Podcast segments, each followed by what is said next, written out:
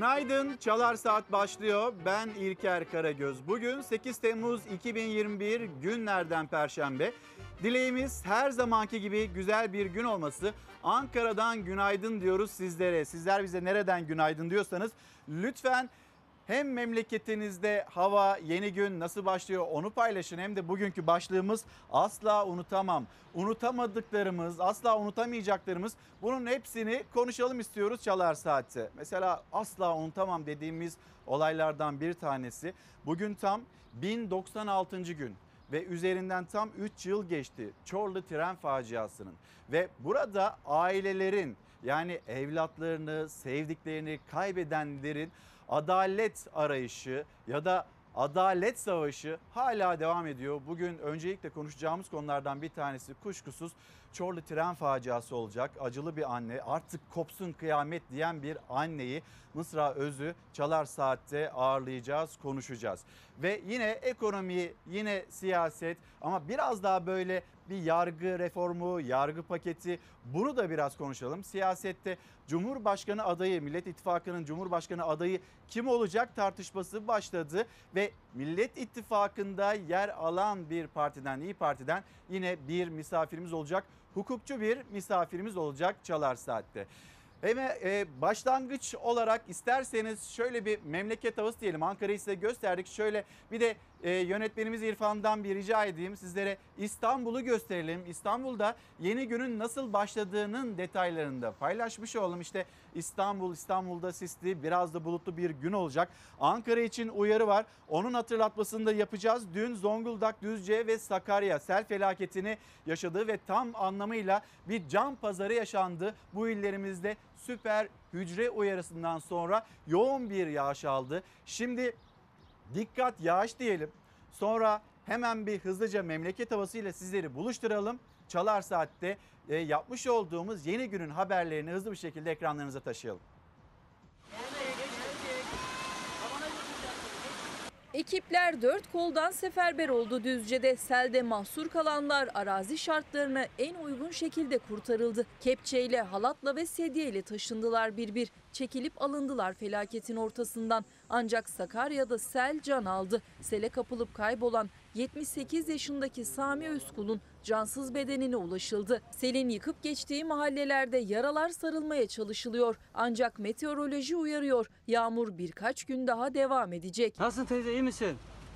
İyiyim çok şükür Allah'ıma. Yağmurun sel olduğu, selin can aldığı günler yaşıyor Karadeniz'in batısı ve Marmara. Düzce son iki günde aşırı yağış nedeniyle selin en çok vurduğu illerden biri. Cuma yeri Çilimli ve Akçakoca ilçelerindeki dört köyde gece boyu etkili olan yağış yol çökmelerine ve derelerin taşmasına neden oldu. Evlerinde mahsur kalanların imdadına ekipler yetişti. Gün ağardıktan sonra da çalışmalar devam etti. Kurtarma ekibi 85 yaşındaki Adile Karataş'ı mahsur kaldığı köyden sedye ile aldı. Ormanın içinden ip yardımıyla yola taşıdılar. Ayak bende orasında tamam mı? İki yıl önce selde 7 kişinin hayatını kaybettiği Esma Hanım köyünün de yolu çöktü. Sabah saatlerinde 56 kişi daha kepçelerle dereden karşıya geçirildi. Üçü çocuk 7 kişilik aile ise halatlarla derenin karşısına ulaştırıldı. Felaketin izi hala tazeydi. Selin vurduğu bir diğer adres Sakarya Akyazı'dansa acı haber geldi. Sele kapılan ve gece boyunca aranan 78 yaşındaki adamın cansız bedeni bulundu. Kastamonu'da akşam saatlerinde etkili olan sağanak yağış nedeniyle merkeze bağlı Damlaçay köyünde dere taştı. Zonguldak Ereğli'de Yaraşlı Yörük köyündeki barajın kapakları biriken yağmur suları nedeniyle açıldı. Her iki ilde de iki köy su altında kaldı. Bursa'nın dağ ilçelerinden Başköy'de sel asfaltları söktü. Sivas Hafik'te ilçeye 14 kilometre uzaklıktaki Tavşanlı köyünde dolu sele yol açtı. Evleri su bastı. Ekinler zarar gördü. Hiç bu kadar ne olmadı? Ne oldu? Aha. Meteoroloji gün gün uyarıyor. Selle mücadele eden Düzce, Kocaeli ve Sakarya çevrelerinde kuvvetli gök gürültülü sağanak yağış bekleniyor. Ankara Valiliği de vatandaşları sel ve kuvvetli rüzgara karşı dikkatli ve tedbirli olunması konusunda uyardı. Bugün Marmara ve Karadeniz'in batısı yağmurlu. Yağışlı hava yarın da diğer illere yayılarak devam edecek. Sel baskınlarına karşı dikkatli ve tedbirli olmakta fayda var. Büyük geçmiş olsun. Ankara için de bir uyarı var. Hemen paylaşalım istiyoruz sizlerle. Ankara Büyükşehir Belediyesi'nden yapılan bir açıklama. Yağış bekleniyor. Dikkat yağış bekleniyor. Ee, Meteorolojiden yapılan açıklamada yerel olarak sağanak ve gök gürültülü sağanak yağış beklendiğinden meydana gelecek sel, su baskını, yıldırım, dolu yağışı, yağış anında kuvvetli rüzgar ve heyelan gibi olumsuz durumlar yaşanabileceği belirtildi. Ankara Büyükşehir Belediyesi meteorolojiden aldığı bilgiyi bu şekilde paylaştı. Büyükşehir Belediye'miz tüm birimleriyle de teyakkuz halindedir. Bu hatırlatmayı da yaptı. Ankara için yağış beklentisi saat 14'ten sonra ve yine Ankara'nın ciddi bir yağış alacağı söyleniyor, bildiriliyor. Bize günaydın diyen izleyicilerimiz var. Sosyal medya hesabımızı görüyorsunuz ekranda. Asla unutamam başlığı altında konuşuyoruz. İşte bu pandemi sürecini asla unutamam diyen izleyicilerimiz var. Aynı zamanda her gün zam geliyor. Zam zam zam. Ben bu her gün gelen zamları unutamam diyen izleyicilerimiz var. Selamlarımızı iletelim. Emekli bir öğretmenim e, diyor bir izleyicimiz. Günaydınlar Baykan Aktun'a selamlarımızı iletelim. Aysel Yavuz selamlar. Asla unutamam verilen vaatleri bir sürü vaat verildi. Emeklilikte yaşa takılanlara verildi. 3600 ek göstergeyle ilgili özellikle verilen vaatler vardı tam da seçim öncesinde.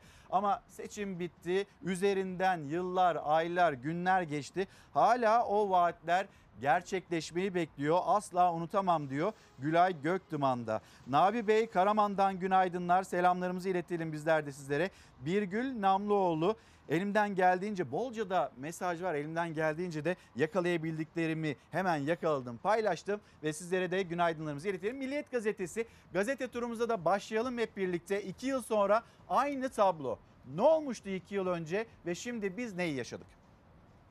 Düzce'de 2019'da yaşanan sel felaketinde 7 kişinin hayatını kaybettiği bölge yine yağmura teslim olduğu dereler taştı.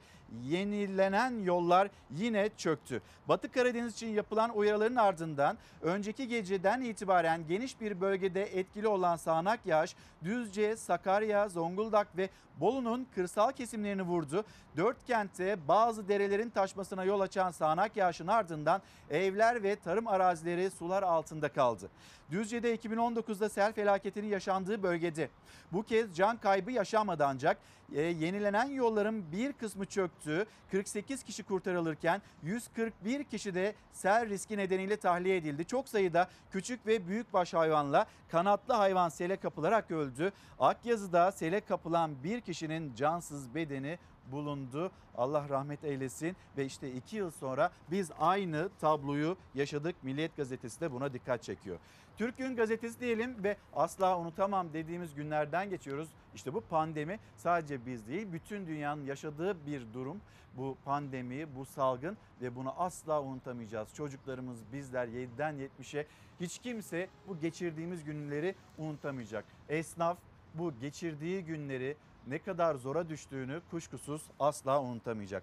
Delta'ya karşı hemen aşı Türk Gün gazetesinin manşeti Türkiye aşılamada yakaladığı yüksek oranla koronavirüsle mücadelede kritik eşiği aştı. Dünyada yeni tehdit haline gelen delta varyantına karşı da etkili tedbirler alınıyor. Dünyada etkili tedbirler alınıyor ve Türkiye'de şimdi delta varyantı, delta plus varyantı da Türkiye'ye geldi ve biz bu meseleden ancak kendimizi daha fazla aşılanarak koruyabiliriz. Sağlık Bakanı Fahrettin Koca dün bilim kurulu toplantısından sonra bir açıklama yaptı.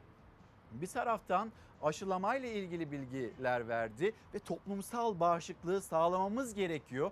Bu çağrıyı yaptı. Hemen bir dün akşam saatlerine dönelim. Bir yandan da Türkiye'nin koronavirüs tablosuna bakalım.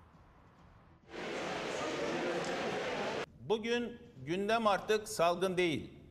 En yüksek aşılanma oranıdır. Sağlık Bakanı Fahrettin Koca koronavirüs bilim kurulu toplantısının ardından konuştu. Artık eski günlere kontrollü şekilde nasıl döneceğimizi konuşma zamanı dedi. Üçüncü doz aşı konusunda kafalardaki soru işaretlerini bir kez daha yanıtladı. Hastalığı geçirmiş ve üzerinden 3 aydan uzun süre geçmiş vatandaşlarımız aşılarını olabilirler. Hastalığı zaten geçirmiş olan kişiler de hatırlatma aşısının yeterli olacağı bilim kurulumuzca değerlendirilmiştir. Üçüncü doz aşı konusunda ise inaktif aşı olan 50 yaşından büyük vatandaşlarımız ve sağlık çalışanlarımız üçüncü doz aşılarını istedikleri aşı türüyle olabilirler. Delta varyantı tabii ki yakın komşularımızda artmakta. Bizde de yakın gelecekte çok çok artacağı çok malum. Diğer ülkelerdeki gibi bir e, yayılım bekliyoruz. Sağlık Bakanı Koca yeni varyantları takip ediyoruz panik olmayın dedi konuşmasında. Ama delta mutasyonu tehlikenin yeni adı haline geldi. Hızla yayılıyor. Türkiye'ye yoğun olarak turistlerin geldiği Rusya'da can kaybı en yüksek seviyelerine çıktı. Yunanistan'da 600'lere kadar inen vaka sayısı 3 katına yükseldi. Dünya delta varyantını kontrol altına almak için yeni tedbirler açıklarken Türkiye'de de vaka sayısı yeniden 5000'in üstünde. Kapanmaya son verildi. Eskiye dönüş e, yaşıyoruz şu günlerde. E, bulaşıcılığının çok daha yüksek olduğu zaten gösterilmiş durumda. Aşılamada son zamanlarda hızlanmakla birlikte evet diğer ülkelere göre gerideyiz. Artık tek gündemimiz mümkün olan en yüksek aşılama oranı ile toplumsal bağışıklığı elde etmek. Türkiye her gün 1 milyona yakın doz aşı uyguluyor. Ancak önemli olan çift doz aşısını tamamlayanların oranı. Türkiye henüz %19.1'de. Bu oran Amerika ve İsrail'de %60'ın üzerinde. İngiltere, Macaristan %50'yi geçti. Almanya ise nüfusunun %40'ını çift doz aşıladı. Delta varyantı e, diğer ülkelerde olduğu gibi bizim ülkemizde de yaygın tip ol- olmaya devam edecektir. Aşılanmayı kesinlikle hızlandırmalıyız ve e, mümkün olduğunca e, küçük yaş gruplarına inmeliyiz. Aşılamada istediğimiz ivmeye henüz ulaşmamız illerimiz için yeni uygulamalarımız olacak. Gerekirse tüm vatandaşlarımızı bulundukları yerde aşı hizmetiyle buluşturacağız. Delta varyantı hatta Türkiye'ye de ulaşan çok daha bulaşıcı Delta Plus mutasyonu aşısı olmayanları hedef alıyor. Enfeksiyon hastalıkları uzmanı Profesör Doktor Canan Külah'a göre %75'lik aşılamayla ulaşılabilecek toplumsal bağışıklık için geç kalınıyor. Çünkü mutasyonlar aşılama hızımızdan daha seri yayılıyor. Saptayamadıklarımız ya da önümüzdeki günlerde saptayacaklarımızla birlikte bizde de baskın tip olmasını bekliyoruz. Burada en önemli konu toplumda en fazla sayıda aşılı kişiye ulaşmak e, ve bu şekilde toplum bağışıklığını sağlamak. Yusuf Özkaya günaydın. Teşekkürlerimizi iletelim size de. Şimdi bu koronavirüsle ilgili delta varyantı ile ilgili iki önemli uyarı var. Bir tanesi Profesör Doktor Necmettin Ünal'dan geldi. Sosyal medya üzerinden Ankara Üniversitesi İbn Sina e, hastanesindeki durumu anlatıyor aslında. Profesör Doktor Necmettin Ünal yoğun bakımlara delta varyantlarıyla enfekte COVID-19 vakaları gelmeye başladı. İşte bu uyarıyı yaptı. Bir de Korkusuz gazetesine gidelim. Eskiden bilim kurulunda yer alan bir isimdi e, Alpay Azap. Alpay Azap'ın uyarısı ise şu. Böyle giderse dördüncü dalga yakın. Delta varyantının Türkiye'de hızla yayıldığına dikkat çeken Alpay Azap, büyük çoğunluğumuz delta'ya karşı bağışık değiliz diyerek başlıktaki uyarıyı yaptı. Bilim kurulundan istifa eden Profesör Doktor Alpay Azap herkes aşılanıyor ama aşıların varyantlara karşı etkisi azalıyor. Üstelik delta çok hızlı yayılıyor dedi. Toplumda salgın bitti havası olduğunu dile getiren Profesör Azap çoğunluğumuzun delta'ya karşı bağışıklığı yok. Böyle giderse Temmuz sonunda dördüncü dalga olur diye konuştu. CHP Antalya Milletvekili Çetin Osman Budak da Rus turist akınına dikkat çekti ki bu delta varyantının, delta virüsünün en fazla olduğu ülkelerden birisi Rusya. Birincisi İngiltere, diğeri e, Rusya. Rusya'da günlük vaka sayısının 23 binlerde olduğunu hatırlatan Budak, ülkede ölü sayısı da günlük 700'ü aştı. Üstelik vakaların %90'ı delta. Biz test yapmadan Rus turist kabul ediyoruz. Bu büyük bir tehlike uyarısını yaptı Çetin Osman Budak. Gelelim hemen bir manşete de bakalım Korkusuz gazetesinde. Dün yine liderler e, kürsüdeydi. Mesela İyi Parti lideri Meral Akşener hangi mesajları verdi? Hemen bir paylaşalım. O mesajlardan bir tanesi şuydu. İyi Parti lideri Meral Akşener AK Parti iktidarına bu sözlerle çıkıştı. Milleti duymuyorsunuz. Önümüzdeki ilk seçimde tıpış tıpış gideceksiniz. Bir erken seçim olacak mı, olmayacak mı? Bununla ilgili tartışmalar devam ediyor. Hatta e, Hemen İrfan senden de bir rica edeyim. Cumhurbaşkanı Erdoğan bu TOKİ ile ilgili bir program vardı ve orada teşkilatına seslendi. O mesajı da hemen paylaşmış olma imkanımız olsun. İktidarı halkın derdine kulak tıkamakla suçlayan Akşener, milletimizin feryadı saray duvarlarından dönüyor. Böyle duyarsızlık olmaz diyerek sandık hatırlatması yaptı ve yine saha araştırmacılarına göre erken seçim Cumhur İttifakı olmayacak, zamanında olacak, 2023'te olacak deniliyor Cumhur İttifakı tarafından ama diğer tarafıyla da 2022'nin sonbaharında bir erken seçim beklentisi kulislerde konuşuluyor. Memleket gezilerinde dinlediği sorunları parti grubu toplantısında anlatan İyi Parti lideri Akşener iktidara yüklendi. Akşener yasak kalktı.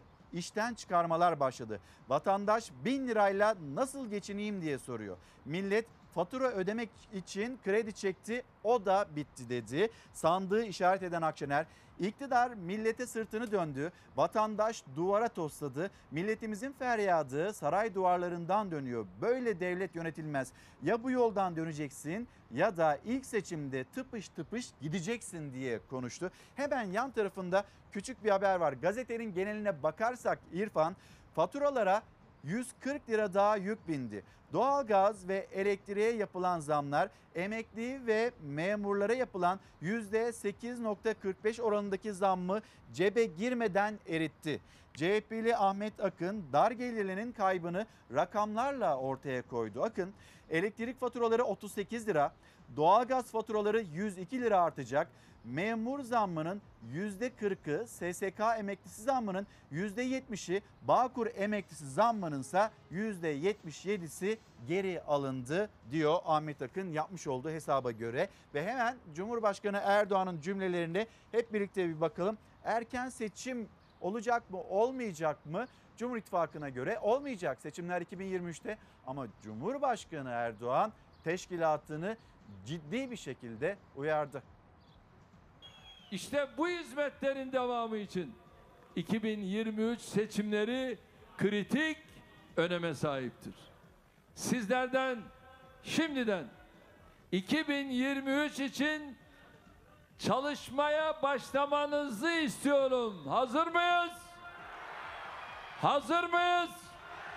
İnşallah bu eşiği de başarıyla geçerek büyük ve güçlü Türkiye'nin inşasına hep birlikte yürüyeceğiz. Hürriyet gazetesiyle devam edelim. Yine Cumhurbaşkanı Erdoğan'ın dün e, katılmış olduğu programla 1 milyonuncu ev manşete geçeceğiz ama 1 milyonuncu ev haberini okuyalım. Cumhurbaşkanı Erdoğan TOKİ'nin yaptığı 1 milyonuncu evin teslimi için düzenlenen törene katıldı. 5 milyon vatandaşımızı sıcak bir yuvaya, milyonlarca insanımızı güvenle çalışacakları, eğitim görecekleri, ibadet edecekleri, spor yapacakları eserlere kavuşturduk.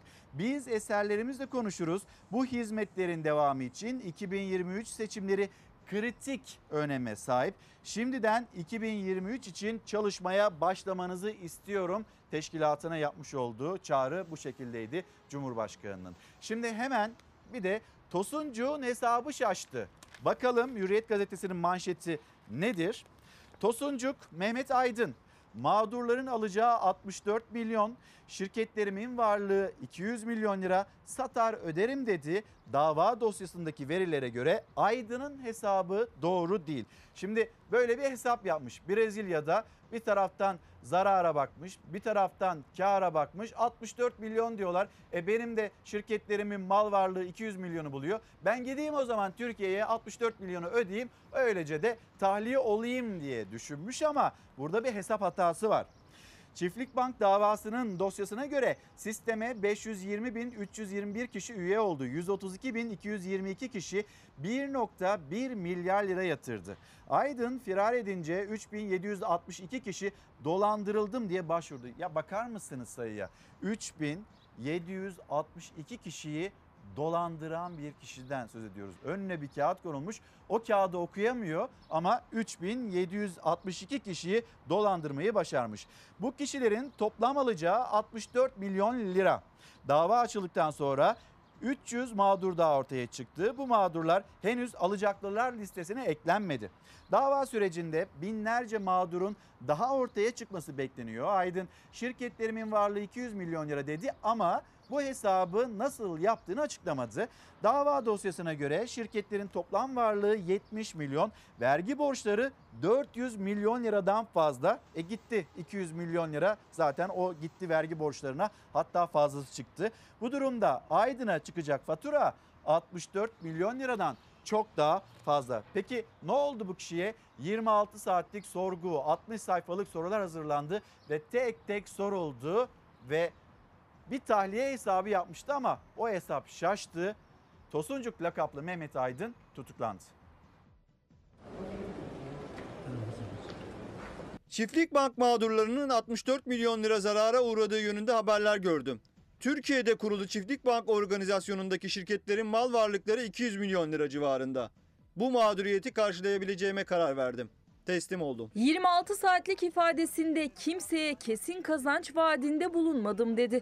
Kar zarar hesabı ise tutuklanmasını engellemedi. Çiftlik Bank kurucusu Tosuncuk olarak bilinen Mehmet Aydın Maltepe cezaevinde. Kamuoyunda tosuncuk olarak bilinen Mehmet Aydın'ın Özel bir ekibin hazırladığı 60 sayfalık soruları tek tek yanıtladı Mehmet Aydın. Çiftlik Bank'ı bir internet oyunu olarak tasarladığını, oyuna ilgi artınca şirket kurmaya karar verdiğini söyledi. Bazı kişilerin para istemesi nedeniyle yurt dışına kaçtım dedi. Aydın sağlık kontrolünden geçirildi. Çok yorgun gözüküyor. Polis Mucidiyim dediği sistemin dolandırıcılık değil iyi niyetli olduğunu savundu. Kesin kazanç değil ana para iadesi garantisi verdiğini anlattı ifadesinde. Kendisinin de sistemde görev alan kişilerce mağdur edildiğini, zarara uğratıldığını anlattı. Tosuncuk lakaplı Mehmet Aydın'ın hesabına göre mağdurların alacağı 64 milyon lira, şirketlerinin varlığı ise 200 milyon lira. Polise tüm mal varlığım zarar görenler için kullanılsın dedi. Yani şirket satıp borç ödeyerek tahliye planı yaptı ama tutuklandı. Yılmaz Tosun günaydınlar unutamadığımız o kadar çok şey var ki maalesef bu olayların hepsini yaşadık ve bu olayların hiçbirini de unutamıyoruz diyor. Hürriyet gazetesinde böyle gazetenin iki köşesinde haberler var. Onları da hemen paylaşalım. Bir tanesi zam haberi, bir tanesi de emeklilerin maaşlarının ne zaman alacağı ile ilgili bir haber. Emekliler bayramdan önce alacaklar maaşlarını, zamlı maaşlarını ve ikramiyelerini demişti Cumhurbaşkanı. Hemen bir kez daha hatırlatmasını yapalım. Emekliye bayram müjdesi. Yani müjde olarak herhalde burada emeklilerin maaşlarının, ikramiyelerinin bayramdan önce ödenmesi hani bu anlatılıyor. Yoksa emekliye yapılan zam o bir müjde değil. Çünkü elektriğe gelen zam, doğalgaza gelen zam, her şeye gelen zamla o e, %8.45'lik o e, ne diyeyim maaş artması o çoktan gitti bile. Bakalım 12 milyon emeklinin Kurban Bayramı ikramiyeleri 13-16 Temmuz'da ödenecek. Zamlı aylıklarda SSK emeklileri için 13 ve 14 Temmuz'da, Bağkur emeklileri için de 16 Temmuz'da hesaplara yatacak. Bu gazetenin en köşesindeki haberdi. Şimdi şöyle bir açılalım gazetede. Gazetenin eteğinde ve köşede yer alan bir zam haberi var ilgililerine. Hemen onu da aktaralım. Bedelliye zam geldi 43.151 lira. Bedelli askerlik ücreti yeniden belirlendi. 39.788 lira olan bedelli askerlik 1 Temmuz tarihinden itibaren geçerli olmak üzere 43.151 liraya çıktı. Memur maaş kat sayısına endekslenen bedelli ücreti 6 ayda bir yenileniyor. 2 yıllık artış %38'i buldu. 2 yıllık artış %38 bedelli askerlikte ve yeni rakam 43.151 olarak belirlendi. Hürriyet gazetesi de bunu haberleştirdi. Şimdi isterseniz bir tasarruflara bakalım. Kamuya tasarruf ama hani meclis yok, cumhurbaşkanlığı yok. Bir yandan da e, vatandaşa tasarruf böyle bir kemer sıkma. Şöyle porsiyonları birazcık birazcık küçülttük mü biz bu meseleyi hallederiz. Hani eskiden aldığımız kadar da kamu e, dairelerine o araçları almadığımızda ciddi bir tasarruf yapabileceğimiz söyleniyor. Bugüne kadar biz bunu neden yapmadık? Bu bir tartışma konusu olarak hala siyasetin önünde ve gündeminde. Bakalım bir siyasetin şu tasarruf üzerinden birbirlerine yönelik salvolarına. Erdoğan'ın imtihanı bu da Vatandaşın imtihanı. Pazarda çöp toplayan annemiz. Avlak saray, yazlık saray, kışlık saray. Gözlerini saray doyursun ya. Doymadılar bu saray meselesine. Kamuda taşıt alımı ve kiralanması, temsil ve ağırlama gibi harcama alanlarına sınırlamalar getiriyoruz. Memlekette herkes tasarruf etmek zorunda. Milletimiz porsiyonları küçültmek zorunda. Ama bu arkadaş mesela inşaatı yeni biten yazlık sarayında sefa sürebilir. Cumhurbaşkanlığı ve Meclis Başkanlığı'nın muaf tutulduğu kamuda tasarruf genelgesinin gölgesinde Marmaris'te inşa edilen Cumhurbaşkanlığı yazlık konutu da muhalefetin gündeminde. Porsiyonlarınızı küçültün biraz tavsiyesine muhatap olurken öbür taraftan Marmaris'te yazlık saraylar inşa ediliyor. İsraf varsa olmaz. Burada eskiden rahmetli Özal'ın bir yazlığı vardı. İçinde iki kanepeli bir mutfak vardı. Şimdi maşallah maşallah bu yazlık sarayın kumlarını da Salda Gölü'nden getirmişler. Bunlar devlete aittir. Bunlar millete aittir. Bunlar şahıs malı ya da kişisel mal değildir. Biz Cumhuriyet Halk Partisi olarak bu sarayı engellilere, şehit yakınlarına ve gazilerimize tatil köyü ve rehabilitasyon merkezi olarak tahsis edeceğiz. Yıkmayacağız. Son iki yılda mutlak yoksul sayısının 3 milyon kişi arttığı ülkemizde hala uçaklardan, arabalardan, yazlık saraylardan vazgeçmeyeceğim diyor. Böyle vicdansızlık olabilir mi? Ayıptır, günahtır. Okluk koyundaki Cumhurbaşkanlığı yazlık konutu Turgut Özal zamanında yapılmıştı ama artık yenilendi. 300 odalı olduğu iddia ediliyor. Basına yansıyan fotoğraflara göre iki havuzlu ve artık kumsalı da var. Malatya'da bir arkadaşımız bunu özellikle verdi. Dedi ki bizim porsiyonların zaten küçüklüğü küçük de bir de böyle delik. Bunu göster dedi. Şu anda Avrupa'da benzinin ve motorinin en ucuz olduğu ülke biz. Eskiden yurt dışından gelenler arabalarının depolarını doldurup öyle sınırlarımızdan içeri girerlerdi. Şimdi iş tersine döndü. Depoları fullleyip sınır dışına çıkıyorlar. 1 euro 10 lirayı geçti. Elbette ki depolarını fulleyecekler. Biraz kendi vatandaşlarımıza bakın ya. Bizim kendi vatandaşımız deposunu fullleyebiliyor mu siz ona bakın. Buzdolabını doldurabiliyor mu siz ona bakın biraz ya. Bu fakirlikten haberiniz yok mu sizin ya? Bizim vatandaşımız aç. Gençlerimiz işsiz. Cumhurbaşkanının ucuz benzin motorin sesine de Türk lirasının değer kaybıyla yanıt verdi Ali Babacan. Hüsnü Ataman ve Volkan Yavuz Ankara'dan Rize'ye gitmişler ve bize Türkiye'ye oradan günaydın diyorlar. Sema Özen selamlar asla unutamam. 11 Mart 2020 pandemi ilan edildi, okullar kapandı.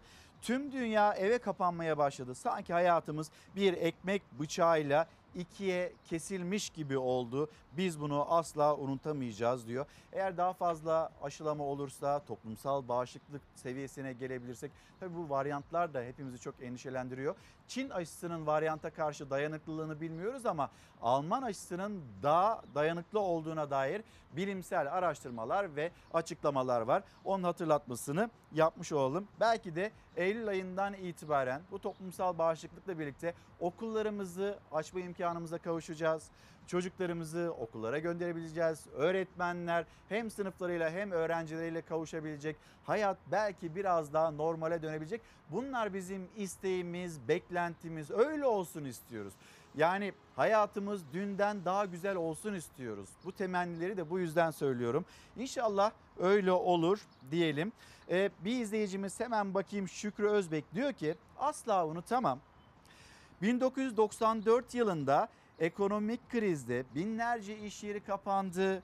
Ee, yine milyonlarca insan insan işten çıkarıldı. Dönemin başbakanı Tansu Çiller işçimiz son 10 yılın en iyi dönemini yaşıyor. Sanki böyle 94 yılı 2021 yılının söylemi. Ben de bunu unutamıyorum ve bu söylemler ne kadar da çakışıyor şimdiki söylemlerle 94 yılının söylemleri diyor bize. Şimdi bir de aşı tartışması ve aşı üzerinden bir polemik devam ediyor siyasette o haber. Sabah söylediğini akşam yalanlayan bir garip ruh haliyle karşı karşıyayız. Bugün Avrupa'nın en gelişmiş ülkeleri dahi şu aşılar var ya aşılar ücretle yapıyorlar. 50 sterlin, 100 avro. Sanki hiç yalan söylememiş gibi biz de dünyadaki ülkeler gibi aşıyı ücretsiz yapıyoruz dedi. Aşı hizmetlerini de diğer ülkeler gibi ücretsiz olarak vatandaşımıza veriyoruz. Aslında aşıyı vatandaşına kim parayla satıyor biliyor musun? Sen satıyorsun sen. Önce elektriğe yüzde on beş, ardından da doğalgaza yüzde on iki zam yaptın. Cumhurbaşkanı bazı Avrupa ülkeleri korona aşısını ücretli yapıyor dedikten sonra sözlerini yine kendisi düzeltti. Ama Akşener elektrik doğalgaz zamlarını hatırlatarak dünyada aşıdan ücret alan tek devlet başkanı Erdoğan dedi. 4 kişilik bir aile yılda 600 lira fazladan para ödemek zorunda kalacak. Bir doz BioNTech aşısının Türkiye'ye maliyeti 12 dolar. Yani 100 lira. Yani 4 kişilik ailemiz kişi başı 100 liralık ikinci aşı için toplamda 600 lira ödeyecek. Böyle bir tezgah olabilir mi?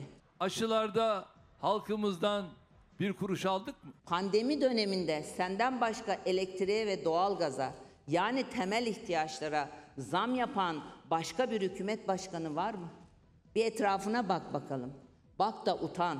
Yazıklar olsun. Elektrik ve doğalgaz zamları dolaylı aşı ücreti diyen Akşener o zamlarla vatandaşın cebinden çıkacak milyarlarca lirayı da pandemi döneminde esnafa vatandaşa yapılan nakit yardımlarla karşılaştırdı. Elektriğe 12 kuruş zam yapıldığına göre vatandaşımızın cebinden çıkacak para 27.6 milyar lira. Bu ne demek biliyor musunuz?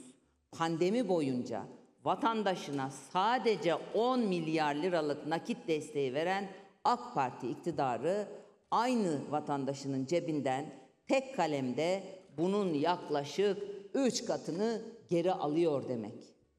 Yeni günün sıcak haberlerine, siyasetin konuştuğu başlıklara şöyle bir baktık. Hızlı bir şekilde reklama gidelim ve Çalar Saat reklamların ardından yine kaldığı yerden hızlı bir şekilde devam edecek. Günaydın bir kez daha Çalar Saat devam ediyor. Asla unutamam bugünkü başlığımız. Mesela bir izleyicimiz Mahmut Çelik. Ben Mahmut Bey'in, Mahmut Çelik'in e, mesajını paylaşayım sizinle. Siz kendisine katılır mısınız, katılmaz mısınız? Bu konuda da bize mesajlarınızı gönderebilirsiniz.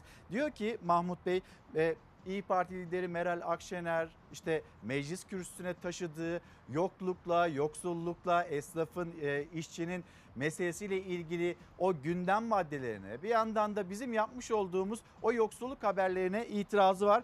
Ben de e, asla unutamam bu yoksulluk tiyatrosunu diyor. Yani şu anda vatandaşın yaşadığını ya da muhalefetin anlattığını bizim sizlerle paylaştıklarımızı bir tiyatro olarak değerlendiriyor. Gerçekten öyle mi? Biz hani toplumun içindeyiz. Biz de yaşıyoruz sokakta, çarşıda, pazarda ama biz acaba doğru yansıtamıyor muyuz? Bu bir tiyatro mu? Onu yine sizlere sormuş olayım. Mahmut Bey, Mahmut Çelik bunun bir tiyatro olduğunu söylüyor. Yani bir algı kampanyası olduğunu söylüyor. Şimdi devam edelim istiyoruz. Devam ederken bir yandan da böyle Mersin'e götüreceğiz sizleri ve Mersin'den endişelendiren, korkutan bir yangının haberini paylaşacağız. Bir araçta başlayan yangın diğerlerine de sıçradı. Otoparktaki 12 araç küle döndü.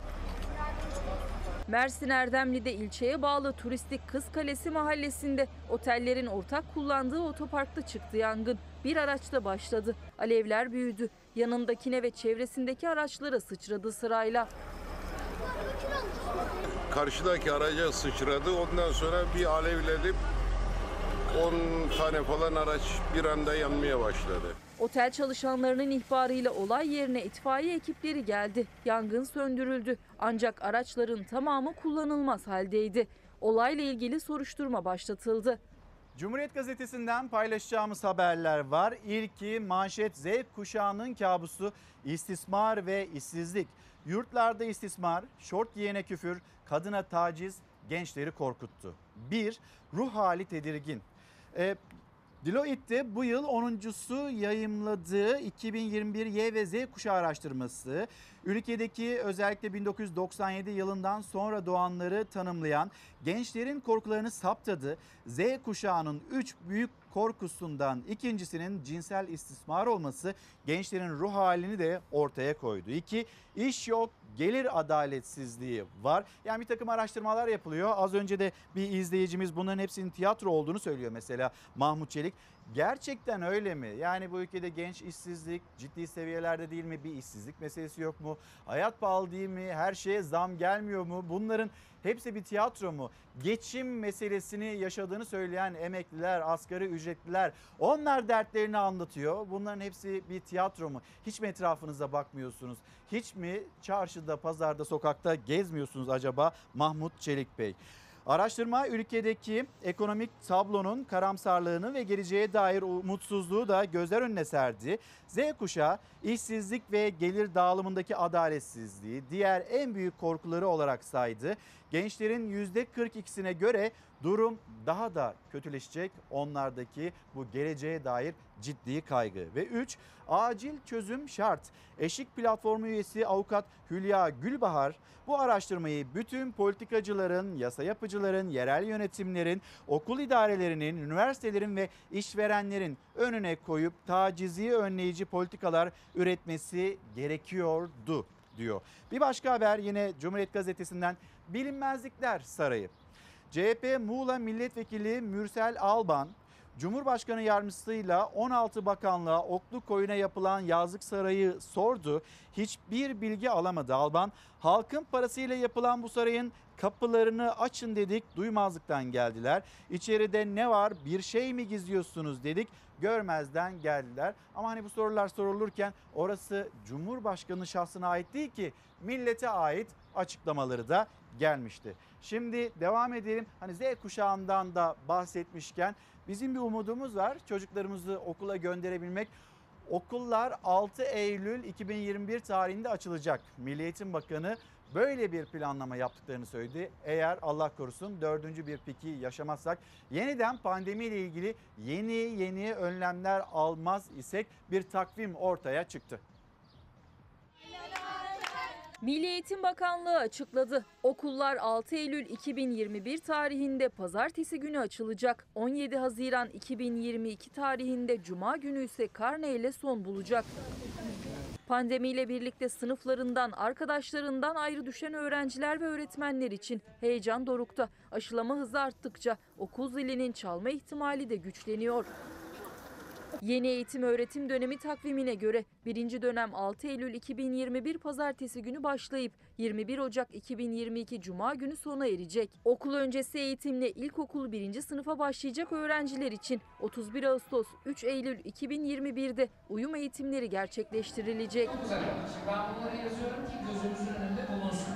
Birinci dönem ara tatili 15 Kasım 2021 pazartesi başlayacak ve 19 Kasım 2021 Cuma sona erecek. Yarı yıl tatili 24 Ocak 2022 pazartesi başlayıp 4 Şubat 2022 Cuma tamamlanacak. İkinci dönem 7 Şubat 2022 pazartesi başlayacak ve 17 Haziran 2022 Cuma sona erecek. 2021-2022 eğitim ve öğretim yılında öğretmenlerin mesleki çalışmaları 31 Ağustos 2021 Salı başlayacak. Birinci dönem 6 Eylül 2021 Pazartesi günü başlayıp 21 Ocak 2022 Cuma günü sona erecek. Füsun Hanım günaydın diyor ki Mahmut Çelik'e hani bir tiyatro olarak bu yoksulluğu yaşanılan o darboğazı tiyatro olarak nitelendiren izleyicimize Mahmut Bey'i bizim tiyatro sahnesine davet ediyorum. Maide Hanım, Maide Sönmez, günaydınlar, selamlar. İnsanlar hiç mi sokağa çıkmıyorlar, vatandaşın ne yaşadığını hiç mi görmüyorlar? Bu eleştiriyi yöneltiyor. Bir yandan siyasette, diğer tarafıyla da siyasetin kurmuş olduğu cümleleri böyle etrafına bakmadan net olarak kabul eden kişilere geliyor bu eleştiriler. Şimdi bir eleştiri daha. Eleştirilen bir hesap hatası. Bakın garanti edilen Zafer Havalimanı'ndan bahsediyoruz. Garanti edilen yolcu sayısı 549.054. Peki gerçekleşen acaba kaç?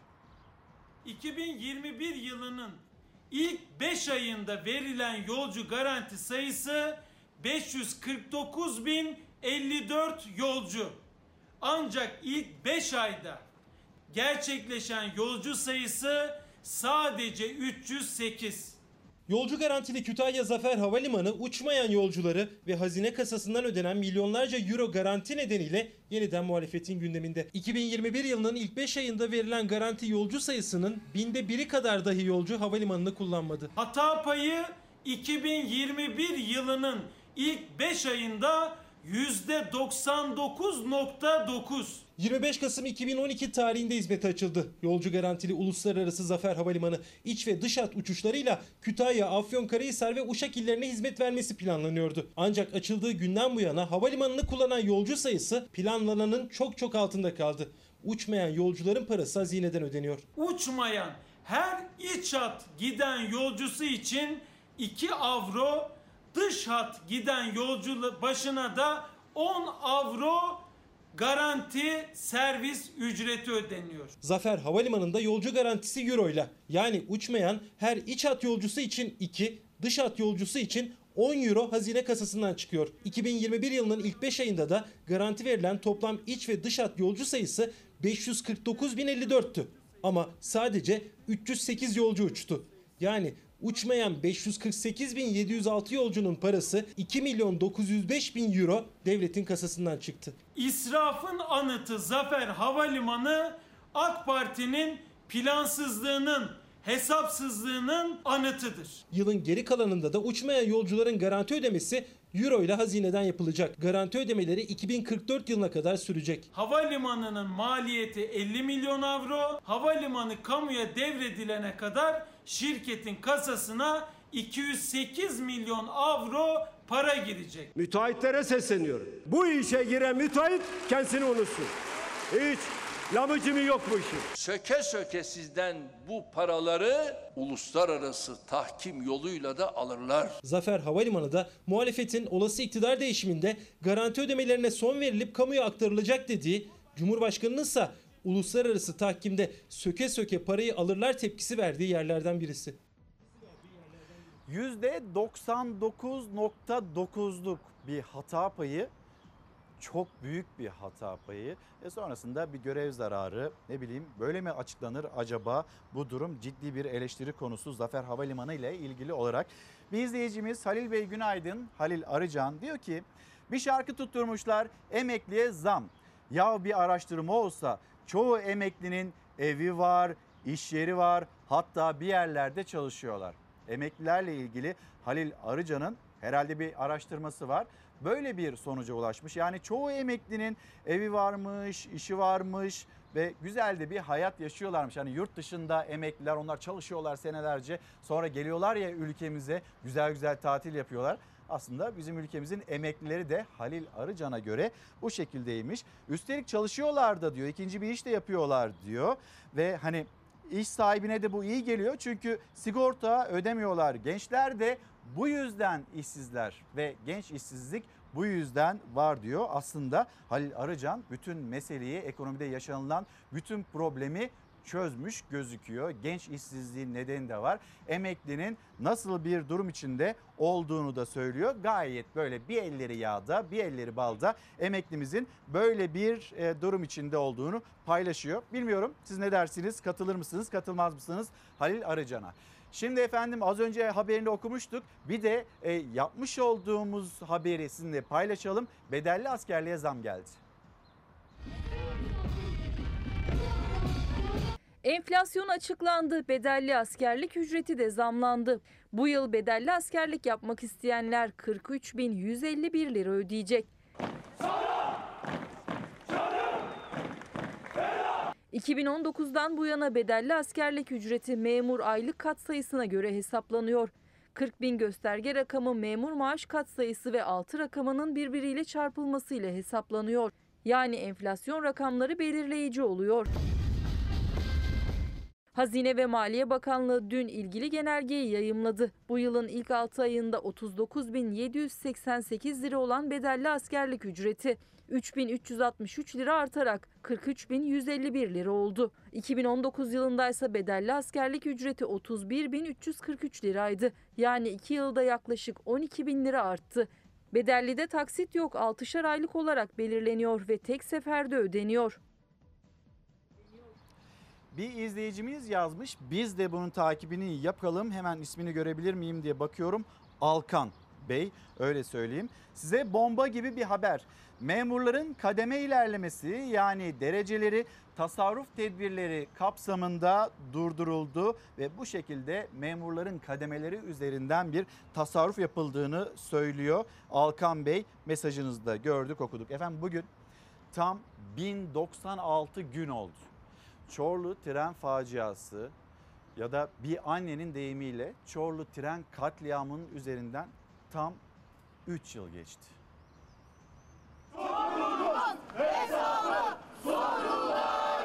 Bu kaçıncı e, ifadeye çağrılışınız? Bir, iki, üç, dördüncü kez soruşturma açıldı hakkında. İki tanesi davaya dönüştü. Bir tanesi henüz sonuçlanmadı. İşte bu da dördüncü oldu. 25 can alınmayan önlemler ve ihmaller yüzünden yitip gideli bugün tam 3 yıl oldu. Kardeşlerimi böyle ezdiniz. 8 Temmuz 2018'de yaşandı facia. Çorlu'dan İstanbul'a giden uzun köprü Halkalı seferini yapan yolcu treni Sarılar köyünde raydan çıktı. 25 kişi balçıkların içinde can verdi. İddiaya göre ihmal vardı. Menfezlerin altı boşalmıştı. Denetim yapılmamıştı. Acılı aileler sabırla bilirkişi raporlarının çıkmasını, davanın sonuçlanmasını, acılarının az da olsa dinmesini bekledi. Kazada 9 yaşındaki evladını Oğuz Arda'yı kaybeden anne Mısra Öz, davayı en yakından takip eden, verilen kararlara ses yükselten isimlerden biri oldu. Hatta 3 yıldır gerçek sorumluların yargılanmasını isterken sanık kendisi bile oldu. Çorlu'nun 6. duruşması sırasında benim o anki öfkemle e, işte beddua etmem, öfkemle sarf ettiğim bir takım sözleri e, kayıt altına almışlar ve soruşturma başlatmışlar hakkımda. Bunun hani tam da 8 Temmuz'dan e, bir hafta öncesine denk gelmiş olması da bizim için ayrıca üzücü, hayal kırıklığı yaşatan bir durum oldu. Arkada kalanların canı ilk günkü gibi yanıyor. Hem kaybettiklerine hem de yetkililerin ilgisizliğine. Bizleri takip eden, destek veren insanları da bu şekilde soruşturmalar başlatarak korkutmaya çalışıyorlar. Ee, bu desteği, bu direnci kırmaya çalışıyorlar. Ben dün bir kez daha e, şahit oldum. Bir kişi daha Twitter'dan yazdı. Mısra Üzüm tweetini retweet yaptığım için ya da Mısra Üzüm e, tweetinin altına yorum yazdığım için e, dava açıldı diye. E, çok utanç verici. Adalet savaşçısı bir anne Mısra Öz şu anda Çalar Saat'te konuğumuz. Burada yayınımızı gerçekleştirdikten sonra Mısra Hanım Çorlu'ya gidecek. Mısra Hanım günaydın. Ee, hoş geldiniz Çalar Saat'e. Günaydın. Ve bugün e, tam 1096. gün 3 yıl geçti Çorlu tren faciasının üzerinden. Ve sizin her sabah bıkmadan, usanmadan e, bir paylaşımınız var. Müsaadeniz olursa o paylaşımı ben izleyicilerimizle bugün için de e, aktarmak istiyorum, paylaşmak istiyorum. Bu çocuğun adı Oğuz Arda Sel. 8 Temmuz Çorlu tren katliamında öldürüldü. Bugün tam 1096 gün oldu. Adını da yüzünü de iyi ezberle. Mısra Hanım tam 1096 gün oldu. İşte Oğuz Arda'nız, Oğuz Arda'nın fotoğrafı da şu anda ekranlarda. Sadece onun için değil bu tren faciasında hayatını kaybeden herkes için 25 insan için bir adalet arayışınız var. Bir adalet savaşı veriyorsunuz. E, Beren Bebek için, Bihter için, Ömer Alperen için, Mavi Nur için, Sena için, Gülce için, Serhat için ve orada hayatını kaybeden 25 kişi için bu mücadeleyi sürdürüyorsunuz. Bu 1096 gün nasıl geçti efendim? Ya da geçti mi? Ee, biz hala ilk gündeyiz İlker Bey. Yani ben sözlerime başlarken ismini saydığınız 7 çocuğu ve giden 25 canımızı e, özlemle, sevgiyle, saygıyla, e, yürekten anıyorum. Onlar e, 1096 gün önce bugün e, hiçbir insana yakışmayacak şekilde e, ihmaller neticesinde bu hayattan kopartıldılar. Ve biz bu 3 yılı 1096 günü ilk günkü gibi e, aynı acıyla e, o an hissettiğimiz endişe, korku ve onların bu hayatta olmadan nasıl yaşayacağımızı bilemediğimiz o çaresizlikle günlerimizi geçiriyoruz ne yazık ki. Hiçbir şey değişmedi hayatımızda. İlk günkü acı aynı tazelikle devam ediyor ne yazık ki. Kaza değil bu bir katliamdı diyorsunuz aslında. Neden katliam diyorsunuz? Ee, kaza olabilmesi için öngörülemeyen bir durumun olması gerekiyordu. Ama bu olay göz göre göre geldi. Ne yazık ki e, devlet demir yollarındaki e, olması gereken güvenlik önlemleri, e, tedbirler, denetimler yerinde ve doğru zamanda yapılmadığı için e, böyle bir olay oldu. İnsan canı taşıyorlar. E, bu ülkede e, insana hizmet etmekten bahsediyorlar ve e, bu süre zarfında yani 24 Haziran seçimlerinden önce zaten bu hat kapalı olan bir hattı ve e, yeni açılmıştı. Seçimlerden önce açılmıştı ve millete hizmet vermek adı altında açılmıştı. Ne yazık ki e, hizmetin altı boş kaldı. E, çok basit e, örnek verecek olursam en olması gereken olay e, bir devlet kurumusunuz, e, insan canı taşıyorsunuz ve bir takım e, kurumlarla da e, iletişim halinde olmanız gerekiyor. Bunlardan bir tanesi de e, meteoroloji. E, devlet demir yollarının ne yazık ki meteorolojiyle bir protokolü bile yok. Ne kadar yağış yağacağını, nerede yağış yağacağını e, bilmeyen, kestiremeyen bir kurum ve e, bunu mahkemelerde bu işte 3 yıl içinde olan tüm duruşmalarda sanıklar da itiraf ettiler ve orada yapılan soruşturmalarda, yapılan bilirkişi araştırmalarında da bu ortaya çıktı. Devlet Demir Yolları'nın meteorolojiyle bir protokolü yok. Herhangi bir e, hava durumunu takip edebilecek bir sistemi yok. E, nasıl takip ediyorsunuz diye sorduklarında e, işte normal siz nasıl e, cep telefonunuzdan bakıp havanın ne olacağını kestirebiliyorsanız ya da tahmin edebiliyorsanız onlar da telefonlarından işte gökyüzüne bakarak ya da işte akşam haberleri izleyerek takip ediyorduk gibi bir şey dediler. E, hal böyle olunca da ne yazık ki çok basit önlemlerle yol bekçilerinin de çıkartılmasıyla birlikte ki yol bekçilerinin sayısı aza düşürülmüş. E, cumartesi ve pazar günü yani hattın en yoğun olduğu e, ve en fazla yolcu taşıdığı cumartesi pazar günlerinde ise orada yol bekçileri e, hafta sonu tatilde yani çalışmıyor oluyor durumdalarmış. E, hal böyle olunca da ne yazık ki göz göre göre gelen, gelen bir kazaya e, biz kaza diyemiyoruz, katliam diyoruz. E, önlenebilirdi ama e, tedbirler alınmadı ne yazık ki. Peki Mısra Hanım şimdi 7 duruşma oldu. Şu anda hakim karşısında kim var? Siz Oğuz Arda onun fotoğrafını koyuyorsunuz ve her sabah bugün işte kaçıncı günse onu söylüyorsunuz ve yine e, resmi makamları Cumhurbaşkanı Erdoğan'ın da sosyal medyasını etiketleyerek bir paylaşımda bulunuyorsunuz. Şu anda hakim karşısında kim var? E, şu anda hakim karşısında ne yazık ki bizler varız. E, Çorlu tren katliamından sorumlu olan gerçek sorumlular e, ne yazık ki yok. Dört tane alt düzey memur, bunlardan bir tanesi e, en alt düzeyde çalışan, görevli olan e, işçi ve diğeri e, köprüler ve bakım şefi, e, işte yol onarım bakım müdürü şeklinde gidiyor. Daha doğrusu şefi diye geçiyor. E, dört tane sanık var ama bu dört sanıktan e, hiçbir tanesi bile e, bugüne kadar e, tutuklu yargılanmadı.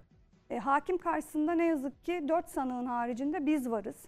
E, bizi destekleyen vatandaşlarımız var, e, avukatlarımız var, e, bizlere destek veren gazeteciler var. Olayı en objektif haliyle yansıtan, bütün olayları ortaya çıkartan ve e, kamuoyuna sunan gazeteciler var. Ama gerçek sorunlar ne yazık ki e, hakimlerin karşısında şu anda yok, bizlerin karşısında da yok.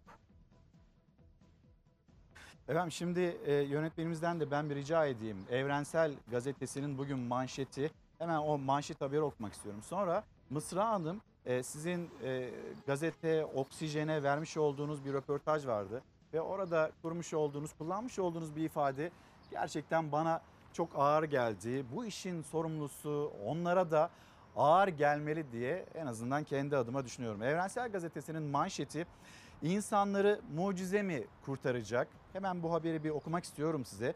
Çorlu tren faciasında 9 yaşındaki oğlu Oğuz Arda Sel'i kaybeden Mısra Öz, bu çocuğun adı Oğuz Arda Sel 8 Temmuz Çorlu tren katliamında öldürüldü diyerek tam 1096 gündür adalet bekliyor. Bugün 3 yıl oldu. 3 yıldır kimse tutuklanmadı. Görevinden bile alınmadı. Ama Mısra Öz'e 3 yıl 4 3 yılda 4 soruşturma açıldı. Öz Gönül ister ki bana böyle hızlı işleyen yargı sorumlulara da işlesin. Sizin çağrınız bu şekilde. 1096 gündür adalet arayan Mısra Öz Evladım geri gelmeyecek biliyorum diyor ve ekliyor. 3 Temmuz'da Ankara Konya yüksek hızlı tren hattı ve evet bunu yaşadık az kalsın benzer bir faciayla belki de karşı karşıya kalacaktık. Çorlu tren katliamını andıran görüntüler vardı gördük. İnsanları mucize mi kurtaracak? 25 insanın ölümüne sebep olanlar yargı önüne çıkmadan, ceza almadan, dahası adalet sağlanmadan bu liyakatsiz düzen devam eder. Etmesin diyor bir anne, adalet savaşçısı bir anne. Ve o anne diyor ki gazete Oksijen'de de ben daha oğlumla vedalaşmadım. Ben daha oğlumla vedalaşamadım. Bu bize e, tabii çok ağır geldi ve çok zor bu böyle bir cümleyi kurmak, bu cümleyi kullanmak. Evladınız, işte yine orada hayatını kaybedenler, yine evlatlar. Hani tekrar tekrar oraya dönmek istemem ama e, bize Oğuz Arda'yı biraz anlatır mısınız?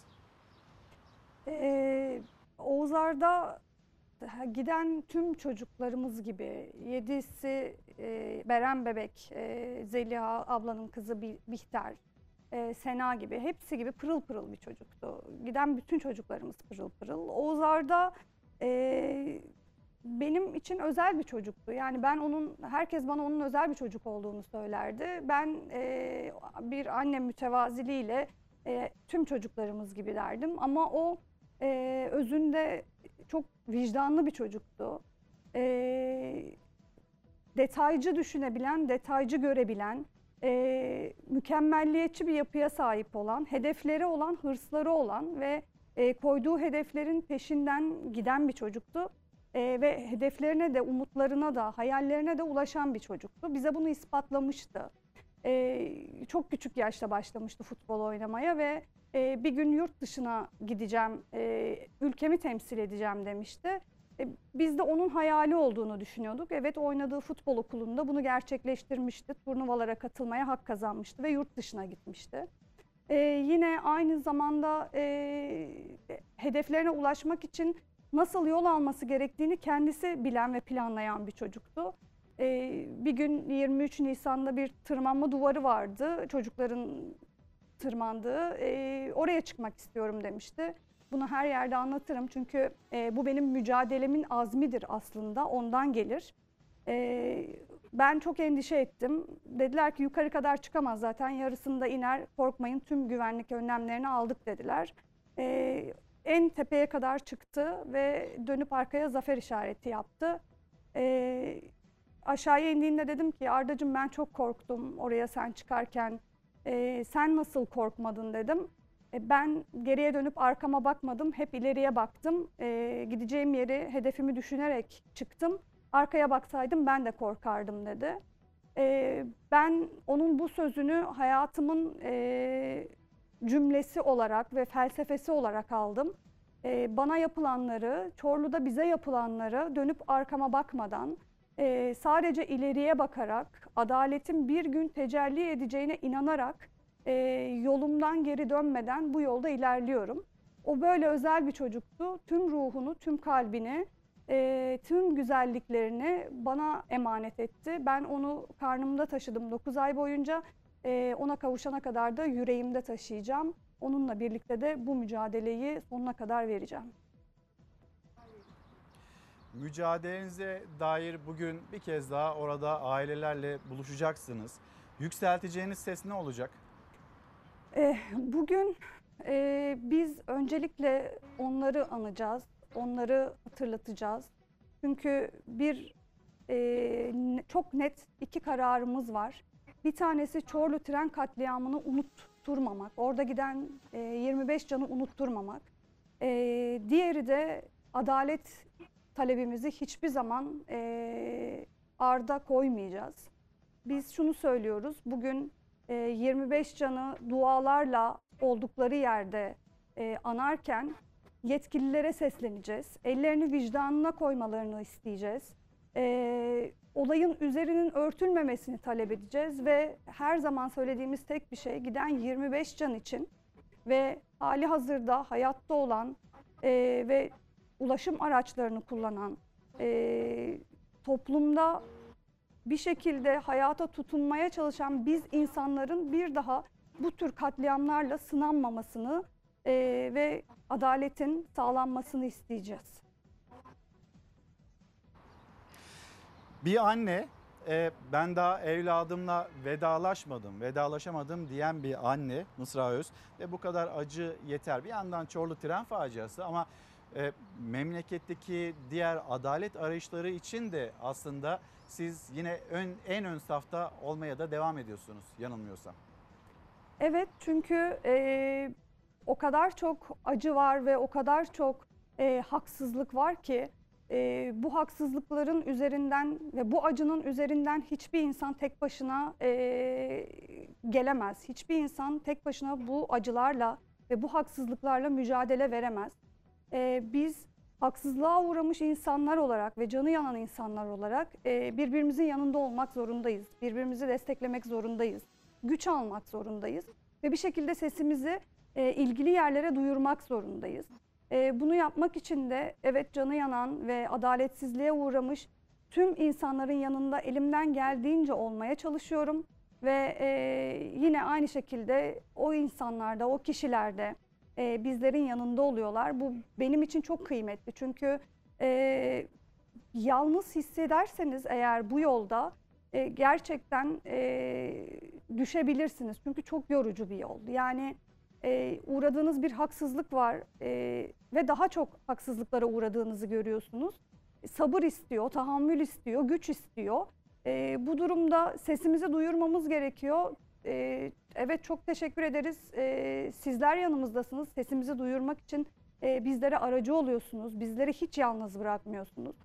E, gene vatandaşlarımız, e, gene vatandaşlarımız aynı şekilde e, bizim yan, yanımızda oluyorlar ve destek veriyorlar. Bu mücadele olduğu sürece e, bizim gücümüz, direncimiz kırılmayacaktır ve biz bu yolda ilerlemeye e, daha da güçlenerek devam edeceğiz. Efendim zor bir gün. Ee, Bizim açımızdan da aslında zor bir yayın oldu. Ama teşekkür ederim Çorlu'ya gitmeden önce burada bize uğradığınız için, yayınımıza katıldığınız için ve buradaki adalet arayışını paylaştığınız için adalet savaşçısı bir anne Mısra Öz. Teşekkür ederiz efendim yayınımıza katıldığınız Ben için. teşekkür ediyorum İlker Bey. Çok teşekkür ederiz. E, iyi yayınlar. Sağ olun, teşekkürler. Efendim şimdi yanımızda bir misafirimiz var. Ankara'dan bu konuyla aslında Türkiye'deki adalet arayışıyla devam etmek istiyoruz. İyi Parti Genel Sekreteri Uğur Poyraz şu anda yanımızda. Günaydın efendim. Günaydın. Hoş geldiniz. Ee, bir anne, evladını kaybetmiş bir anne. Sadece kendi evladı için değil ya da kaybetmiş olduğu eski eşi için değil. Çorlu tren faciasında hayatını kaybetmiş 25 kişi için bir adalet arayışı içinde olan bir anne. Yani hukuk ve siyaset bu meseleyi çözmeyecekse neyi çözecek? Şimdi hukuk ve siyaset aslında bu meseleyi çözebilme altyapısına sahip. Ancak burada uygulayıcıların uzun dönemden beri e, o toplumdan kopuşlar, bu sadece siyaset açısından değil, uygulayıcıların da uzun zamandan beri toplumdan kopuşları bu empati yoksunluğuyla alakalı bir durum. Zira bizim hukukumuzda ceza hukuku dahil hakimin takdir hakkı denen bir kavram var. Yani evet hakim kanun maddeleriyle bağlı ancak bunların içerisinde hakimin bir takdir hakkı var. Bu takdir hakkı hakimin insan olmasıyla, toplumla entegre olmasıyla, baba olmasıyla, eş olmasıyla, evlat olmasıyla da alakalı bir durum. Dolayısıyla biz empati duygumuzu e, bu siyasi iklimle ve bu siyasi aranada empati duygusunu kaybeden bir yargı sistemine sahibiz.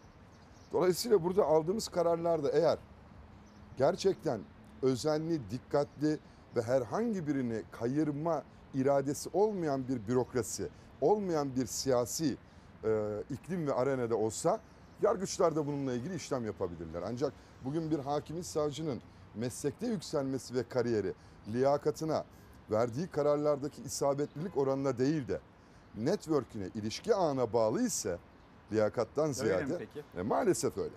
Bunu kamunun her tarafında görüyoruz. Çünkü Türkiye'de Türk yargısında pırıl pırıl kendini milletine, devletine adamış, hukukun üstünlüğüne adamış birçok hakim savcı var. Ama çok basit bir örnek vereyim. Yani ben bir hakim işte 5. 4. bölgeden başka Besle'ye ağır ağır ağır ağır e, kariyerini oluşturur, oluşturur. Bunun bir de objektif kriterleri vardır, değerlendirme notları vardır. Günün sonunda büyük şehirlere gelir. Ve şimdi ben büyük şehre gelmiş bir hakim savcı olduğumu düşün. Önce genellikle onlar Taşra'da da evlendikleri için eşleri öğretmendir, hemşiredir, doktordur. O bölgede görev yaparken tanıştıkları. Genel itibariyle memur. genel itibariyle memur. Şimdi önce hanımın tayiniyle uğraşması lazım. Önce han- hanımın tayiniyle uğraşacak. Şimdi bu duyguyu bir hepimiz şimdi onların olamadığı e, o empatik duruma biz kendimizi koyalım. Önce hanımın tayiniyle uğraşacak. Ne yapacak? Ya daha önce görev yaptığı ya da en son görev yaptığı ildeki milletvekiline gidecek. Ya işte efendim ben Ankara'ya tayin oldum.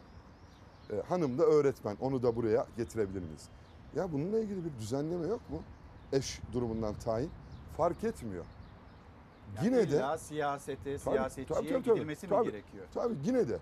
E burada İlk getir irtibat ilişki buradan mı başlıyor? e ilk burada başlar. Ya da bununla il- ilgili bir ilişki kurma ihtiyacıyla başlar. Bugün Daron Acemoğlu'nun bir bakış açısı vardır. Türkiye'de iş dünyası diyor ama aslında biz bunu kamuya da hasredebiliriz. Performanslarının %70'ini hayatta kalabilmek için ilişki kurmaya harcar diyor. Performansın %70'ini yaptığımız işe konsantre olmak için değil, hayatta kalabilmek için ya da ileride başımıza bir şey geldiğinde kendimizi koruyabilmek için ilişki kurmaya harcıyoruz. İlk eşinin tayiniyle ilgili başlar. Sonra lojman ihtiyacıyla başlar. Sonra adliyeye ya da görev yapacağı yere yakın bir yerde bir ev tutabilmekle ilgili başlar. Hanımı orada yakın bir yerde okula verebilmek için başlar. Sonra çocuk için başlar. Yani her seferinde bu bir yargıç. Bir yargıcı sadece önündeki dosyaya ve adalete konsantre etmemiz gerekirken biz sistemimiz sebebiyle yargıcı çocuğun okulu için, hanımın tayini için, çocuğun servisi için bütün bunlarla ilgili kapı kapı gezdirmek durumunda kalıyoruz. E şimdi böyle bir süreçte önüne gelen bir dosyada önüne gelen bir dosyada vereceği bir kararda ne yapacağı ile ilgili bu tereddütü yaşatmaya hiç kimsenin hakkı yok yargıçlara. Şimdi bir siyasetçi olarak değil de hukukçu kimliğinizle. Evet. Mesela bir annenin bu kadar acı yeter, kopsun artık kıyamet, ben evladımla vedalaşamadım. Bunlar ağır ifadeler değil mi? E, elbette ağır ifadeler. Bunun altında bir millet olarak kalmamız gerekiyor bu ifadelerin altında. Sistem olarak bu ifadelerin altında kalmamız gerekiyor. Bir annenin feryadını anlayamamak, görememek, duyamamak, duyup görüp buna konsantre olamamak. Bu bir ciddi ahlak problemidir. Bakın vicdan problemini geçtim. Bu bir ahlak problemidir. Karşımızdaki bir anne. Bu elim hadise yaşanmasaydı devletin bu kurumların hiçbiriyle muhatap olmayacak bir bireydi. Her şeyden önce bu anne. Evladına konsantre olacak, bir anneydi bu. Ama bugün bir adalet mücadelesi içerisinde söylediği her sözle ilgili, içindeki yangını her dışa vuruşuyla ilgili başka bir soruşturmaya muhatap kalan bir anne. İşte o yüzden empati yoksunluğu diyorum. Peki biz e, şimdi neyi konuşuyoruz? Yeni bir yargı paketini konuşuyoruz. Evet. O yargı paketini biraz açmanızı isteyeceğim acaba. O yargı paketinde bir empati var mı? Ama Yüksek İstişare Kurulu üyesi Cemil Çiğ'in bir ifadesi vardı. Yani yerel mahkeme Anayasa Mahkemesi'nin kararını tanımıyor. Ne yazarsanız yazın. Şimdi böyle bir şey olabilir mi? Ya da bu yargı paketi bunu düzeltir mi? Biraz anlatır mısınız o yargı paketi neyi içeriyor? Yargı paketi aslında bunları düzeltmez. Bu yargı paketi insan hakları eylem planı olarak açıklanan e, sürecin bir önceki aşaması var. Avrupa Birliği'ne e, uyumla ilgili. Makyaj mı yani? Ya makyajdan ziyade bir takım iyileştirmeler var. Yani Hı. toptancı bir yaklaşımla e, reddetmemiz gerekmiyor. Ancak burada sorunumuz şu. İstediğiniz kanun maddelerinde istediğiniz değişikliği yapın. Dünyanın en demokratik anayasasını, en demokratik kanunlarını çıkarın. Uygulayıcılarda o demokrasi ve hukuk anlayışı olmadığı sürece bunların hiçbirinin işlerliği yok. Örnek veriyorum. Sabaha karşı bu e, şey vardır, zorla getirme vardır. Evet. Tanıksınızdır ya da bir dosyada sa- sanıksınızdır. E, mahkemeye gitmemişsinizdir. Hakim de der ki zorla getirilmesini. Gideceksiniz, ifade verip çıkacaksınız. Konu bu. Zorla getirme dediğinden bu. Polis eve gelir. Söyler, mahkemede duruşmanız var şu tarihte. Zorla getirme kararınız var, lütfen gelin der. Gidemediniz, işiniz çıktı. Ya da kasıtlı gitmediniz, önemli değil. Bir gün sabaha karşı bir otele kaydedildiniz. Bir otele kaydoldunuz. Ya da arabayla seyir halindesiniz, kimlik kontrolünde. Hop, alınıyorsunuz. Karakola götürülüyorsunuz. Sabahleyin hakime sevk ediliyorsunuz ya da savcıya. İfadeniz alınıyor ve serbest bırakılıyor. Prosedür bu. Burada deniyor ki bu artık yapılmayacak. Ya bunun böyle yapılmasına ilişkin daha önce bir kanun yoktu zaten. Böyle bir kanun yoktu. Bu uygulamayla ortaya çıkmış. Şimdi bir kanunla Zaten yapılmayabilirdi. zaten yapılmıyor. Bu e, polis şahsı alıyor. Nöbetçi hakim savcı yerinde değil, evde. Sabah getirin diyor. Zaten olay böyle vuku buluyordu. Sabaha getirin. Cümle bu. Sayın savcım ya da sayın hakim böyle böyle bir durum var. Hakim ve savcının ya sabaha getirin. Olay zaten böyle vuku buluyordu. Şimdi bununla ilgili bir yasal düzenleme yapmanız o hakim savcıyı nöbet saatinde nöbette tutabilecek mi? Tutabilecek mi? E, bilmiyoruz işte bekleyip göreceğiz. E, şey ön yargılı olmamak gerekiyor. Ama minik de olsa şüphelerim var. E, şimdi biz birinci yargı paketinde Sayın Karagöz e, şeye çok vurgu yapmıştık. Bu çok önemli bakın. Şimdi bizim ceza kanunumuzda kadın müstakil kadın olarak tanımlanmıyor. Bizim ceza kanunumuzda kadın eş olarak tanımlanıyor. Yani hakaret, tehdit, şantaj, eziyet, işkence, hürriyeti tahdit yani kişi hürriyetinden yoksun kılma, yaralama ve öldürme suçlarında. Sayın Genel Başkanımızın ısrarla üzerinde durduğu bir husus vardı. Bu tür suçlar ve diğer suçların tamamında kadını kadın olarak tanımlayın ve kadına karşı işlendiğinde bunun ağırlaştırıcı sebep olmasını sağlayın. İyi Parti bütün yargı reformu paketlerinde e, hem muhalefet şerhlerinde hem genel kurul hem komisyon görüşmelerinde bunu tarihe not olarak düştü. Şimdi bu yargı paketinde şöyle bir madde var. Ee, bu bahsettiğim suçlarda eşe ya da boşanılan eşe. Ya arkadaş, sevgili, nişanlı, arkadaş her şeyi bırakın. Müstakil kadın diye bir kavramınız yok mu sizin? Kadın sizin için sadece eş ya da boşanılan eş mi? Burada kadına karşı pozitif ayrımcılık diye kampanyalar yapıp bununla ilgili propagandalar yapıp sloganlar üretiyorsunuz. Sonra İstanbul Sözleşmesi'ni kaldırıyorsunuz bir gecede. Keyfi bir şekilde. Ve kanundan dayanmayan bir yetkiyle. Devamında dördüncü yargı paketi reformu diye bir reform getiriyorsunuz. Kadın diye bir kavramınız yok. Eşi yanına boşanmış eş ek- ekini koyuyorsunuz. Ya beşinci yargı paketinde nişanlı, altıncı yargı paketinde sevgili, yedinci yargı paketinde yani ne zaman kadını diyebileceksiniz? Zor mu bu kadar? Ya, yani bir kelime bu. Bir kelime. Ama o kelimenin önündeki o beyinlerde nasıl bir set varsa o seti aşmak mesele. İzah ediyoruz, anlatıyoruz. Uluslararası örnekleri Ön koyuyoruz. yargılı yaklaşmak istemiyorsunuz ama bazı maddelerine de itirazlarınız var. Biraz da siyaseti konuşalım mı? Tabii. Yani Türkiye Büyük Millet Meclisi'nde hani şimdi değil ama önceki dönemde bir milletvekili suç örgütü lideri olmakla suçlanan bir kişi Sedat Peker ayda 10 bin dolarlık bir işte rüşvet iddiası. Bunu dillendiren İçişleri Bakanı Süleyman Soylu siyasette böyle bir tartışma başladı ve devam ediyor. İşte liderler katıldı, işte muhalefetin sorduğu sorular var. Bir haberimiz var Süleyman Soylu ile ilgili, İçişleri Bakanı ile ilgili. Haberimizi aktaralım. Sonra İyi Parti acaba ne düşünüyor bu tartışmayla ilgili? Kim demiş Sayın Soylu yalnız diye? Kim demiş Sayın Soylu kimsesiz diye? Sayın Bahçeli, Sayın Erdoğan'ı Süleyman Soylu üzerinden tehdit mi ediyor? Bence öyle. MHP liderinin İçişleri Bakanı yalnız değil sözlerinin hedefi muhalefete göre doğrudan Erdoğan. Bence doğrudan hedefi iktidarın kendi içindeki güç denklemi. E, Demek ki yalnız ki Sayın Bahçeli bu açıklama ihtiyacı duydu. Ben dünyanın en kötü adamıyım. Hakkındaki iddialar nedeniyle siyasetin en çok konuştuğu isim Süleyman Soylu. Muhalefet istifasını isterken, yargıda hesap vermesi gerektiğini söylerken ne AK Parti cephesinden bir açıklama var ne de Cumhurbaşkanı Erdoğan'dan. Beştepe'deki programlar dahil haftalardır yan yana fotoğraf vermemeleri Erdoğan'la Soylu arasında bir gerilim olduğu yorumlarını beraberinde getirdi. Sayın Soylu Bakanlar Kurulu içerisinde en siyasi kişiliğe sahip, siyasi hüviyeti itibariyle ve performansı itibariyle o iç denklemde yarınlara dair hesapları Sayın Soylu'nun bozduğu görülüyor. Demokrat Parti lideri İçişleri Bakanı'nın tabandaki karşılığı nedeniyle iktidar içinde rahatsızlık yarattığını dile getirdi.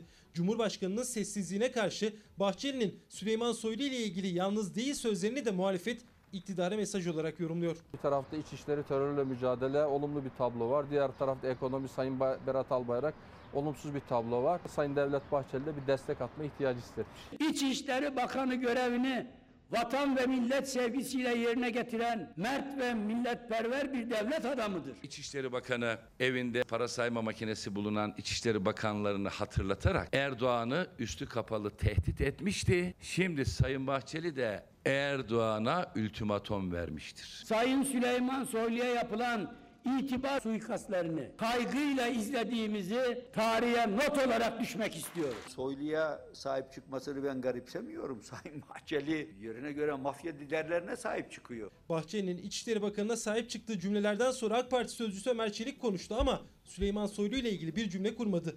Gözler Cumhurbaşkanı Erdoğan'a çevrildi. Süleyman Soylu ise yeni günde Diyarbakır'daydı. İki gün sonra da Erdoğan Diyarbakır'ı ziyaret edecek. Süleyman Soylu Cumhur İttifakı tahteravellesinin omurgası olarak orada duruyor. Bakalım o tahteravelliden kim düşüyor? Bir annenin adalet arayışıyla başladık. Hatta Oksijen gazetesinden öne çıkan başlıklar onları da paylaştık. Ve yine söylemek isterim ki Mine Şen Ocaklı'nın haberiydi. Oradaki cümleleri, ifadeleri ve az önce de Mısra Öz'ün kendisinden, kendi ağzından o adalet arayışını konuştuk. E, Bir te- diğer tarafta memleketin pek çok yerinde e, o adalet arayışı devam ederken bir de Türkiye Büyük Millet Meclisi, Türkiye Büyük Millet Meclisi'nde de bir takım tartışmalar. Oraya da yavaş yavaş geçiş yaptığımızda Süleyman Soylu, MHP lideri Devlet Bahçeli Süleyman Soylu'ya siz Süleyman Soylu'yu yalnız mı zannediyorsunuz dedi. Böyle bir destek verdi ve yüksek tondan. Buradaki yüksel hani sesinin yükselmesinin gerekçesi size göre neydi? Bir de sadece muhalefete mi söylüyordu burada Devlet Bahçeli Süleyman Soylu'ya destek çıkılması gerekliliğiyle ilgili?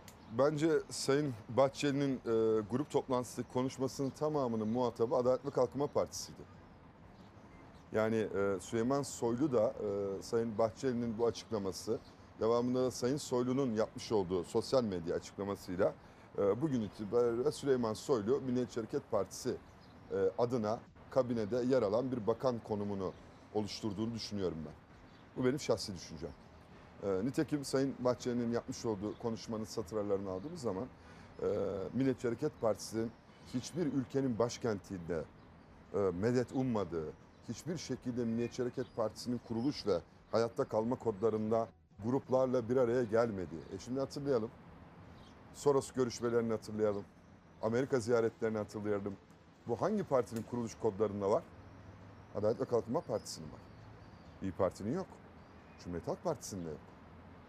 Kuruluş kodları. Şimdi bütün bu satıralarına baktığınızda ben Sayın Bahçeli'nin konuşma metninin tamamının muhatabının Adalet ve Kalkınma Partisi olduğunu düşünüyorum. Bugün bir İçişleri Bakanı'na sahip çıkma bu Sayın Bahçeli'nin değil, Türkiye Cumhuriyeti Devleti'nin her bir yurttaşı İçişleri Bakanı'na sahip çıkar. Bunda bir sorun yok. İçişleri Bakanlığı makamına sahip çıkar. Biz İyi Parti olarak İçişleri Bakanlığı makamının saygınlığı, İçişleri Bakanlığı'na bağlı kuruluşların, emniyet, jandarma ve diğer tüm birimlerin herhangi bir zan altında kalmaması için bu ağır iddialar karşılığında Sayın Süleyman Soylu'nun sorumlu bir siyasetçi olarak vatanını, milletini ve kurumunu seven bir siyasetçi olarak bu iddiaların araştırılması için görevden ayrılmasını talep ettik. İstifasını istiyorsunuz. Tabii. Şimdi bugün istifa dediğimiz müessese e, tabii yeni dönemde affını talep etmek ama şimdi burada baktığınız zaman çok zor değil. Dün akşam e, TMSF ile ilgili TMSF başkanı atandı. Dün akşam. Gece. Evet. Şimdi geceleri saat 2-2.30 gibi böyle birileri alınıyor, birileri atanıyor. Bu akşam alınırsınız. Soruşturmanız biter.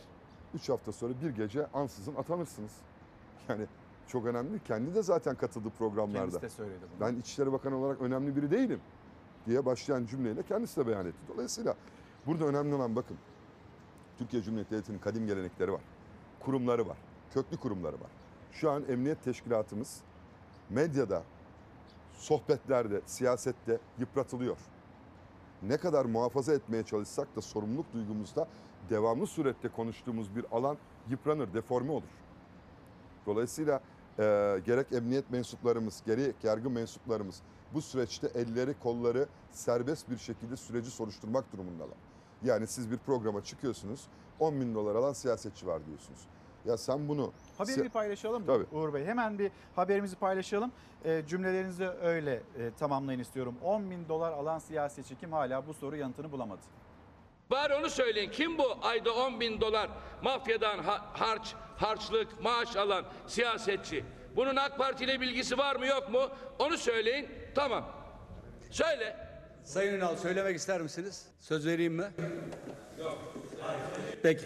İçişleri Bakanı Süleyman Soylu'nun dile getirdiği ama ismini açıklamadığı Sedat Peker'den ayda 10 bin dolar alan siyasetçi kim sorusuna AK Parti Grup Başkan Vekili Mahir Ünal yanıt vermek istemedi. 10 bin dolara alan siyasetçi Sayın Bakan söylüyor. Bunun hesabını soramıyoruz. Adınızın ak olması yetmez. Alnınızın ak olması lazım. Ayda kime 10 bin dolar para gönderiyorsa hangi siyasetçiye oradan sorsun. Sedat Peker'den ayda 10 bin dolar alan siyasetçi var iddiasını dile getiren Süleyman Soylu'ydu. Hakkındaki iddialara karşı 10 bin doları sorsunlar demişti muhalefeti. Muhalefet bir buçuk aydır soruyor ama henüz o kişi kim yanıt yok. Kim her ay 10 bin dolar rüşvet alıyor açıklayın kardeşim verin mahkemeye. Savcıya gideceğim ve söyleyeceğim. Herkes bu ismi biliyor. Eski bir milletvekili. Bugün iktidar partisi AKP'nin Merkez Karar Kurulu üyesi. O ismin AK Parti yönetiminde olduğunu İlker Karagöz'le Fox Çalar Saat programında Demokrat Parti lideri Gültekin Uysal da dile getirdi ama iktidar cephesinden bir açıklama yok. Savcılıkta isim var mı o da bilinmiyor. CHP Grup Başkan Vekili Engin Altay mecliste AK Parti Grup Başkan Vekili Mahir Ünal'a sordu. Söyledi 80 milyon duydu. E Bari onu söyleyin. Kim bu ayda 10 bin dolar mafyadan ha- harç, harçlık, maaş alan siyasetçi? Bunun AK Parti ile bilgisi var mı yok mu? Onu söyleyin. Tamam. Söyle. Sayın Ünal söylemek ister misiniz? Söz vereyim mi? Peki. Meclis Başkan Vekili Mahir Ünal'a ayda 10 bin dolar alan siyasetçi kim sorusuna yanıt verecek misiniz? Söz vereyim mi dedi. Mahir Ünal'ın hayır teşekkür ediyorum cümleleri meclis tutanağına geçti. Aslında polemik başlıklarıyla ilgili Mahir Ünal geride kalmaz ve anında da bir yanıt verirdi. Ama 10 bin dolar alan siyasetçi kim sorusu yanıt verecek misiniz? Ana muhalefet sıralarından size yönelik mesajlar var denildiğinde hayır teşekkür ederim yanıt vermeyeceğim dedi Mahir Ünal. Sizce neden söz almadı Mahir Ünal? Tabii Sayın e, Ünal'ın maharet alanının dışına çıkan bir konu anladığım kadarıyla. E, ama buna cevap vermemeyi tercih etmemesi e, bu konuya ilişkin mahcubiyetlerinin bir göstergesi. Günün sonunda e, Sayın Soylu katıldığı programda 10 bin dolar alan siyasetçiden vurun. E, ortaya koyduğu beyanlarla para sayma makinelerinden ve e, eski başka bakanlardan Ahmet Davutoğlu'na ilişkin söylemleriyle seçilmiş bir başbakanın yani millet iradesiyle oy verilerek seçilmiş bir partinin genel başkanı sıfatıyla başbakanın nasıl görevden alındığı sürecini ki daha sonra Davutoğlu da bunu paylaştı. E şimdi soruyorum görev seçilerek göreve gelen bir genel başkan ve onun katıldığı seçimle birlikte başbakanlık makamını kullanan bir başbakanın parti içindeki hareketlerle altın oyularak görevden alınması bir darbe değil midir? Milli iradeye karşı bir tavır değil midir? Bunu itiraf eden, bunu söylerken ve beyanatta bulurken Ahmet Davutoğlu'ndan haz etmemek ayrı bir şey. Ama söz konusu Davutoğlu o dönemde başbakanlık görevini ifa ediyor. Oradaki Türkiye Cumhuriyeti. Devleti Başbakanlığı'nı evet. Yani Sayın Soylu'nun gerek o programla gerek devamındaki bu anlamdaki tutumu bir başbakanın altını oyma eylemi. Soruyorum milli iradeye karşı olan hareketin adı neydi? Sloganı neydi milli iradeye karşı olan? Milli iradeye karşı olan hareketlerin, tavırların ve eylemlerin adını Süleyman Soylu ve temsil ettiği Adalet ve Kalkınma Partisi'nin siyasi kadroları darbe olarak nitelendirmiyor mu? Buyurun size bir darbe itirafıdır. E daha önce de yine aynı Soylu meclis kürsüsünden milletvekilleri ve yakınlarına ilişkin bir takım bilgilere sahip olduğunu beyan etti. Evet. İçişleri Bakanlığı makamı sizin bir takım bilgilere sahip olma, bu bilgileri de meclis kürsüsünden ya da sosyal hayat içerisinde muhataplarına bir tehdit unsuru olarak kullanma makamı mıdır? Yani bu 10 bin dolar da bir tehdit unsuru mu? E, ya tehdit, kime tehdit? ya tehdit unsuru tabii. 10 Kime? bin dolar alan bir siyasetçi varsa ve bir suç örgütü lideri olduğu iddiasıyla hakkında işlem yapılan birinden varsa gidersiniz İçişleri Bakanlığı olarak e, yargı teşkilatı olarak ilgili siyasetçiyle ilgili gereğini yaparsınız. Efendim kısacık. Bu bir tehdit unsuruysa kime tehdit unsuru? Vallahi hem 10 bin dolar alan siyasetçi hem de bu silsileyi bilen herkese tehdit unsuru. Efendim şimdi müsaadeniz olursa bir reklamlara gidelim. Eğer vaktiniz de varsa reklamların ardından e, İyi Parti'nin Millet İttifakı'nın Cumhurbaşkanı adayı kim? Ve yine erken seçim bekliyor musunuz, beklemiyor musunuz? Bunu konuşmak istiyoruz. Bir mola verelim, dönüşte buluşalım. Günaydın bir kez daha. Çalar Saat devam ediyor. Başlığımız asla unutamam. Güldü Tuna, günaydınlar asla unutamam atamı diyor. Damla Hanım selamlarımızı iletelim. Ee, atımı kötüleyenleri ben asla unutamam diyor. Bu arada e, size bir sorar mısınız bizi unutmasınlar emeklilikte yaşa takılanlar ne olacak diye e, yine izleyicilerimiz soruyorlar. Bugün başlığımız asla unutamam. Sizin asla unutamam dediğiniz nedir? Geçenlerde bir programda da dile getirdim. Ee, ortaokul yıllarımda e, kuzenimin bir çalışma masası var. Ben de fen liselerine hazırlanıyorum. Annem, teyzem sağ olsun o fen lisesine hazırlanıyorum diye çok da ısrar ettiğim için kuzenim üniversiteyi bitirmişti. O çalışma masası geldi. Ben o çalışma masasına ısrarla döner koltuk istiyorum. Dönen koltuk. Yani o evdeki yemek masasındaki koltuk olmayacak. İş tam olacak. Ee, annem de benim psikolog. Annem de bana o zaman Maslow'un ihtiyaçlar hiyerarşisini anlattı. Yani e, öncelikli üçte. ihtiyaçlarımız nedir? Ortaokul 3'te bunları anlatıyor. Ortaokul 2 ya da 3 hatırlamıyorum tam ama o dönem. Ben ama hala ısrarla koltuk diyorum. Annem o psikologluk kimliğini geri aldı ve bir anne olarak terlik fırlattı. Ben o gün bugündür e, ihtiyaçlar hiyerarşisini biliyorum. Aslında bunu anlattığım program e, Kanal İstanbul'la alakalı bir tartışmaydı. Kanal İstanbul'da da e, ihtiyaçlar hiyerarşisini e, sadece bireysel değil, kurumsal ve devlet olarak da ihtiyaçlar hiyerarşisini merkeze almamız gerekiyor ki e, Türkiye fay hattında olan bir ülke. Şu an İstanbul'un her bir semtinde kentsel dönüşüm, yerinde kentsel dönüşüm ihtiyacı var vatandaşlarımızın. İnşaat maliyetleri %400-500 arttı.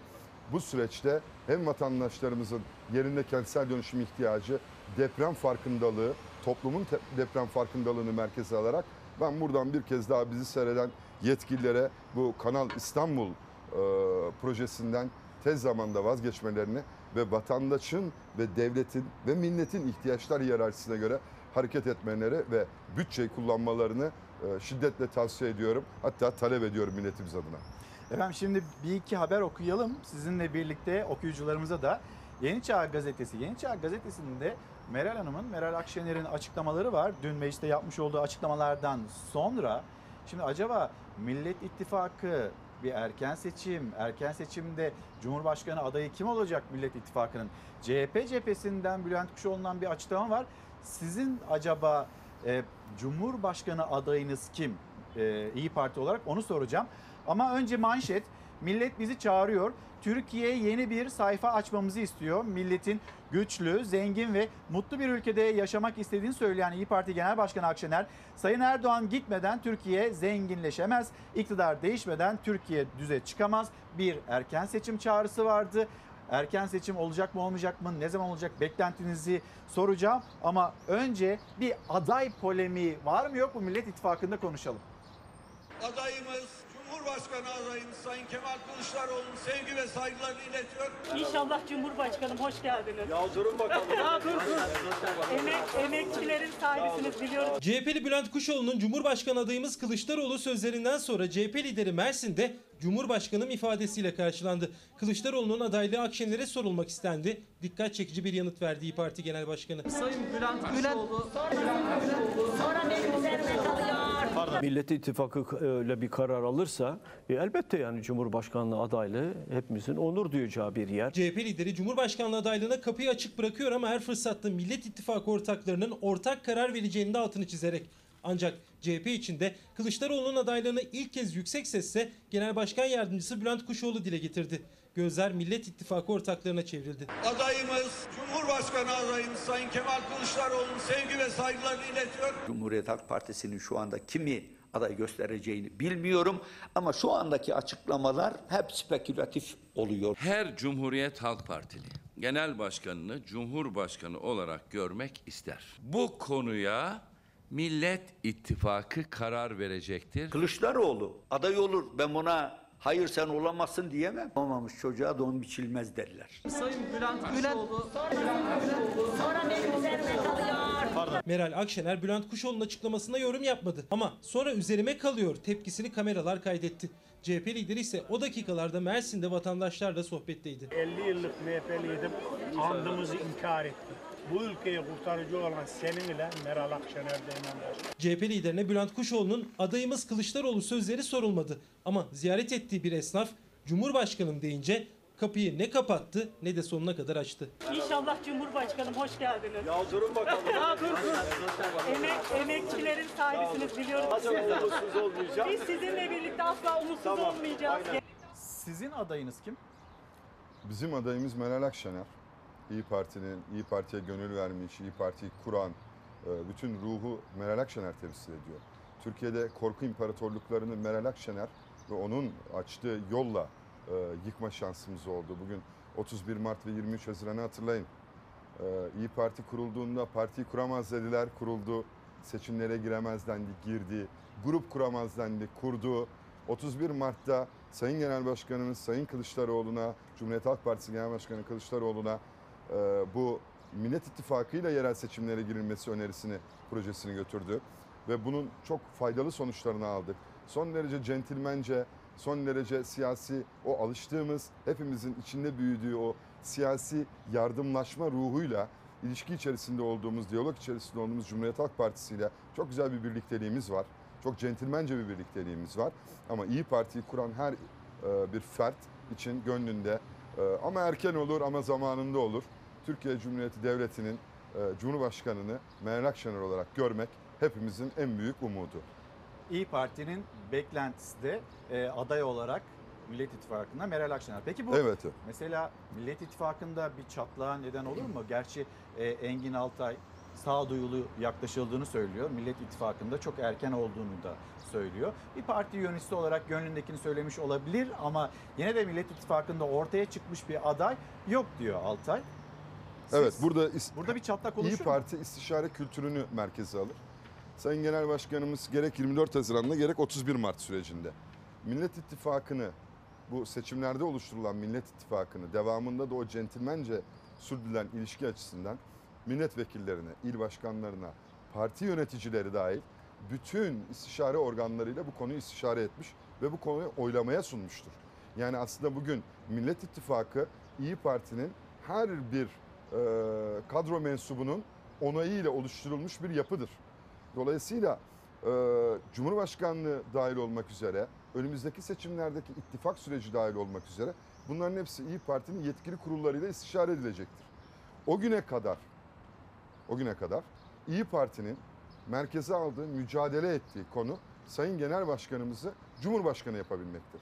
Genel Başkanımızı Cumhurbaşkanı yaparak Türkiye'yi hak ettiği, iyileştirilmiş ve güçlendirilmiş parlamenter sistemle kalkınmacı, demokrat ve milliyetçi bir çizgide o hayal ettiğimiz, umut ettiğimiz ve mücadele verdiğimiz yere oturtturabilmeye çalışıyoruz. Dolayısıyla bu e, çizgimizden biz sürecin hiçbir alanında taviz vermeyeceğiz.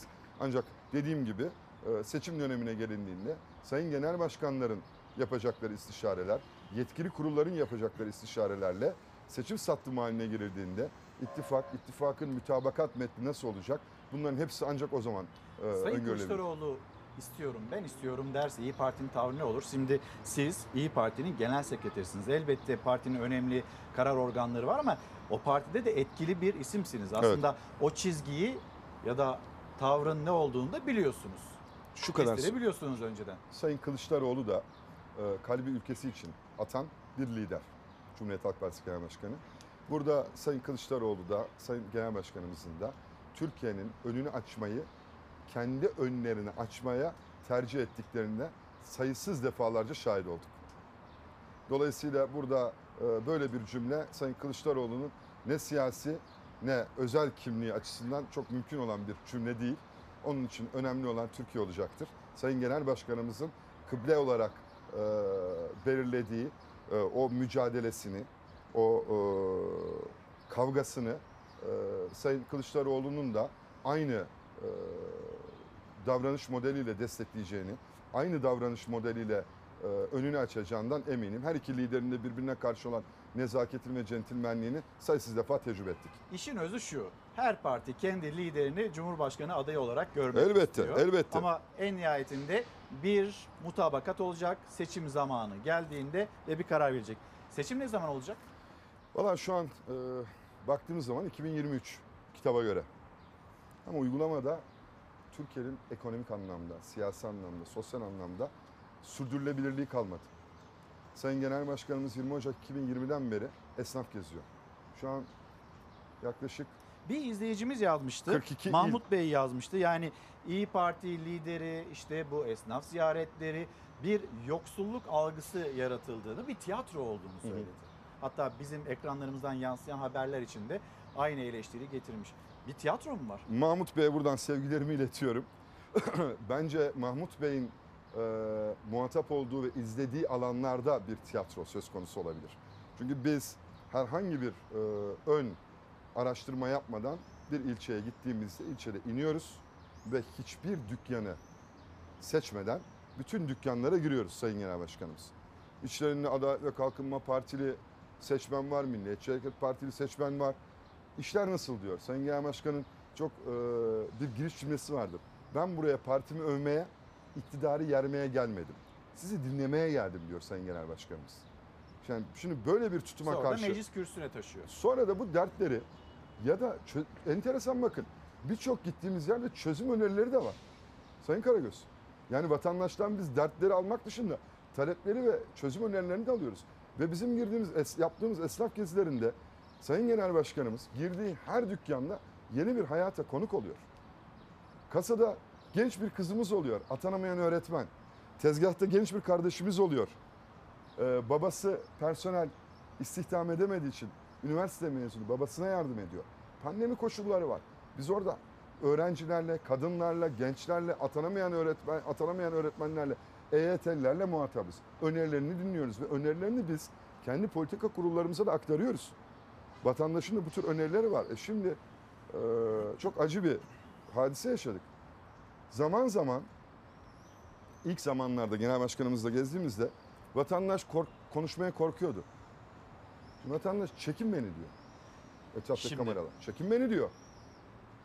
E Şimdi bizim 21. yüzyılda 2021 yılında gidip birini kurgulayıp daha sonrasında da bunun üzerinden bir görüntü alabilme şansımız var mı? Herkesin elinde cep telefonu var. E şimdi orada vatandaş Çok kıyıda köşede kenarda Vatandaş- olabilir ancak. Vatandaş, Ama herkesin tabii içinde vatandaş bir tepki değil. veriyor.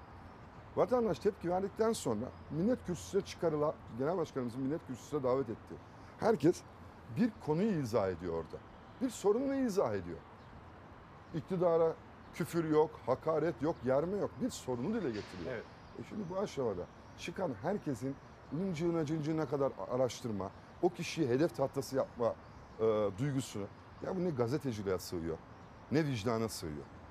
Küfür, kıyamet, hakaret sosyal medya ve diğer alanlarda. Ve vatandaş bir tepki veriyor. Daha sonra vatandaş, Adana'da bir vatandaşımız vardı.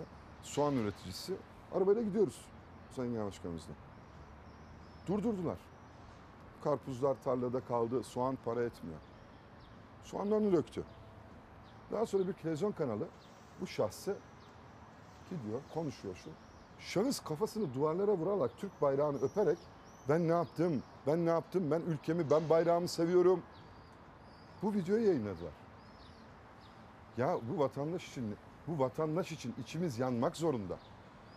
Vatandaş için içimiz yanmak zorunda. Nasıl bir baskıya maruz kaldıysa bayrağımızı, o al bayrağımızı öperek ben vatanımı, milletimi seviyorum diyor. Yani soğan döküp de bununla ilgili tepki verme eylemini vatan millet sevgisiyle e, sınanmış kendisi. Buna şahit olduk görüntülerde. Bu bir tiyatro değil, bu bir hakikat. Sokağın her tarafında, ülkenin her tarafında. Yani bu videoları yayınlamak ya da bu tür propagandalar soğan üreticisinin sorunlarını ortadan kaldırıyorsa tamam problem değil biz tiyatro yapıyor olalım. İşçimin, ziraatçimin, çiftçimin, köylümün sorunlarını ortadan kaldırıyorsa ben tiyatro yapayım. Ya akıl var, mantık var Sayın Karagöz. Yani devlet, ülke doğru yönetilse muhalefetin ne işi var ya? Yani memleketi şu an her türlü nereyi tutsan elinde kalıyor. Nereyi tutsan elinde kalıyor. Peki İyi Parti liderinin e, dikkat çektiği, işaret ettiği erken seçim olur mu? Sayın Genel Başkanımız bu konuyla ilgili öngörüde bulundu. Yani Türkiye siyasetinde Öngörünüze göre ne? Ya Yani benim- tarih var mı? şu an Türk 2022 siyaseti- biz sonbahar, bunu- 2022 ilkbahar. Biz partide de konuşuyoruz bunu. Yani ekonomiye bakıyoruz. Uluslararası gelişmelere bakıyoruz. iç gelişmelere bakıyoruz. Vatandaşın alım gücüne bakıyoruz. Bu sürdürülemez. E şimdi mevcut iktidarında bu anlamda dış politika, iç politika malzemesi yaptığı bir platformda. Ülke böyle. Asıl tiyatro bu işte. Böyle bir alanda ben 2023'ten daha öncesinde bir seçim yapılacağı, bunun muhtemelen 2022 olacağı. e, Ben hatta bu Haziran ayını da bekliyordum. Geçtiğimiz ayı. Ben Kasım O ayını geçti da artık. ben Kasım ayını da bekliyorum. Ben 2022 Mart'ı da bekliyorum. Erken bekliyorsun. Ben erken bekliyorum. O zaman az önce siz de söylediğiniz vatandaşın alım gücü diye bir et fiyatlarına bakalım, bir süt fiyatlarına bakalım. E, bugün için sohbetimizde en son konuşacağımız başlık da bu olsun. Vatandaşın alım gücü. Saman balyası bak 17-15 liraydı 22 lira oldu. Yem çuval 80 liraydı geçen kurban bayramında şimdi 155 lira. Bu üretici nasıl baksın bu hayvanlarına? Bana yemci diyor ki yem fiyatları ne olacak abi diyorum. Bu niye böyle yükseliyor sürekli? Ham madde yok. Ham maddeden dolayı. Dolar yükseliyor, yem yükseliyor. Dolar düşüyor, yem düşmüyor. Gücü yeten dayanacak, gücü yetmeyen ezilecek. Çiftçinin, besicinin gücü her geçen gün daha da tükeniyor. Çünkü üretim maliyetleri sürekli katlanıyor. Onlar maliyetlerini artıran ithalat kalemlerinden, yüksek vergilerden yakınırken Cumhurbaşkanı Erdoğan fırsatçılara dikkat çekti. Üreticilere göre ise sorunu stokçularla sınırlamak doğru değil. Salgın ve kuraklık nedeniyle ortaya çıkan durumu istismar ederek hububat ile et, süt, yem fiyatlarını aşırı şekilde yükseltmeye çalışanlara da izin vermeyeceğiz. Ana maliyetlerden bir tanesi olan gübre maliyetlerinin yüzde yüz arttığı bir ortamda Türk çiftçisinin satış fiyatlarını arttırmamasını beklemek ve bu artışları da stokçulara eee, bağlamak çok büyük bir yanlıştır. Türkiye'de bir enflasyon var. Biz bunu çiftçiler olarak görüyoruz. Üretici desteklenmezse ben direkt üreticiden tüketiciye sattığım halde şu an kafa kafaya gidiyorsam seneye de eksideyim. Ben de eksiye gidersem hayvan sayısım düşecek. Artık hayvanlar biz de kestireceğiz yani. Hayvan üreticisi saman siparişi verdi ama fiyatı hiç beklediği gibi olmadı. Geçen yıl kuru samanın balyası 15 liraydı, şimdi ise kamyondan 22 liraya iniyor. Bu üreticinin maliyetini artıran sadece bir kalem. Zamanımızı 22 liradan getirdik. Peki bu zammın nedeni ne geçen seneye göre? Zaman nedeni şimdi oradaki üreticilere bağlı abi. Bizim elimizde olan bir şey değil. Bu arabada 1 lira bal, balle başında kalıyor. Ki ben burada iki kişi çalışıyorum. 7 lira pahalıya geldi şu an. Arkadaşın suçu yok. Suç üreticinin de suçu yok. Suç kimde? Bir gübre fiyatlarında. Gübre geçen sene 100 liraydı şu an 200 lira. Pendik Göçbeyli köyünde hayvancılık yapan Cihan Dilek özellikle son bir yıldaki maliyet artışına dikkat çekiyor. Bunun için de bir hesap yaptı. Bir ineğin bir yıllık maliyetini hesapladı. Bir de o ineğin ona ne kadar kazanç sağladığını. Birinin günlük süt yemi, mısır küspesi, arpa, pamuk ve yulaf otu maliyeti 65 lira. 30 günde 1950 lira. Yılda 12 ayı 23.400 lira yıllık gider var hayvanın. 8 ay sağlar 5 liradan ortalamasını veriyoruz ve 100 lira. 30 günde 3000 lira. Maliyetimiz yıllık maliyet 23.400 lira. 24 bin lira gelir gider 23.400. Kar oranı 600. Bunun nerede veterineri, nerede işçiliği, nerede bizim çoluğumuz çocuğumuzun rızkı. İşte Tüm Süt, Et ve Damızlık Sığır Yetiştiricileri Derneği Başkanı Sencer Solakoğlu'na göre de asıl sorun bu. Gelirin gideri karşılamaması. Elektriğe gelen zam. Bununla beraber yakıta gelen zam. Bununla beraber tüm girdilerimizde pandemi döneminde yaşadığımız zorluklar, lojistik vesaire kaynaklı zamları da üst üste alt alta koyduğumuz zaman Türkiye'de üreten çiftçinin bir önceki yıla göre ürününü daha ucuza satması veya çok cüzi zamlarla satmasını beklemek çok gerçekçi olmuyor. Efendim hemen bir Sözcü gazetesine bakalım. Sonra da vatandaşın alım gücünü soralım Uğur Poyraz'a. CHP'li Engin Altay mecliste iktidara böyle sordu. Uçan sarayımız, yüzen sarayımız, kışlık yazlık sarayımız yetmiyor mu? Marmaris Okluk Koyun'da 640 milyon liraya yaptırılan Cumhurbaşkanlığı Devlet Konuk Evi mecliste tartışıldığı bir tartışma konusu. Hemen şöyle bir aşağıya da baktığımızda haberde Milletin porsiyonu işte bu kadar. İyi Parti lideri Meral Akşener vatandaşa porsiyon küçültün diyenlere grup toplantısında fincan tabağı göstererek yanıt verdi. Milletin porsiyonu bu kadar. Hem küçük hem de delik şeklinde. Ne dersiniz alım gücüyle ilgili? Yani artık bu alım gücünü aslında şu an bizi seyreden ve seyretmeyen herkes bizzat yaşıyor.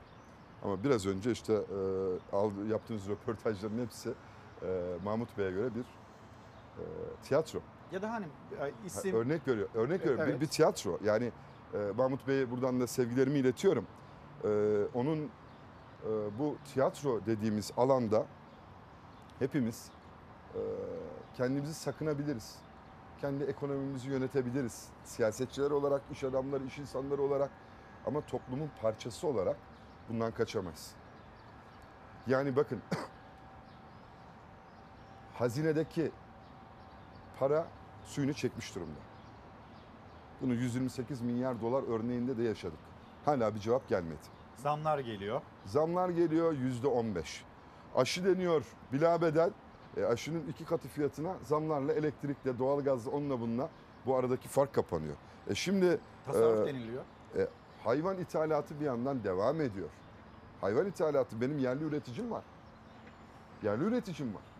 Satın alma gücü diye bir şey kalmadı. Yani bu ekonominin bu halini yok gibi görmenin ihtimali yok. Biz bir tarım ülkesiyiz ya. İşin acı tarafı da bu. Yani diğer e, materyallere, diğer e, ürünlere erişimle ilgili tamam bir yere koyalım.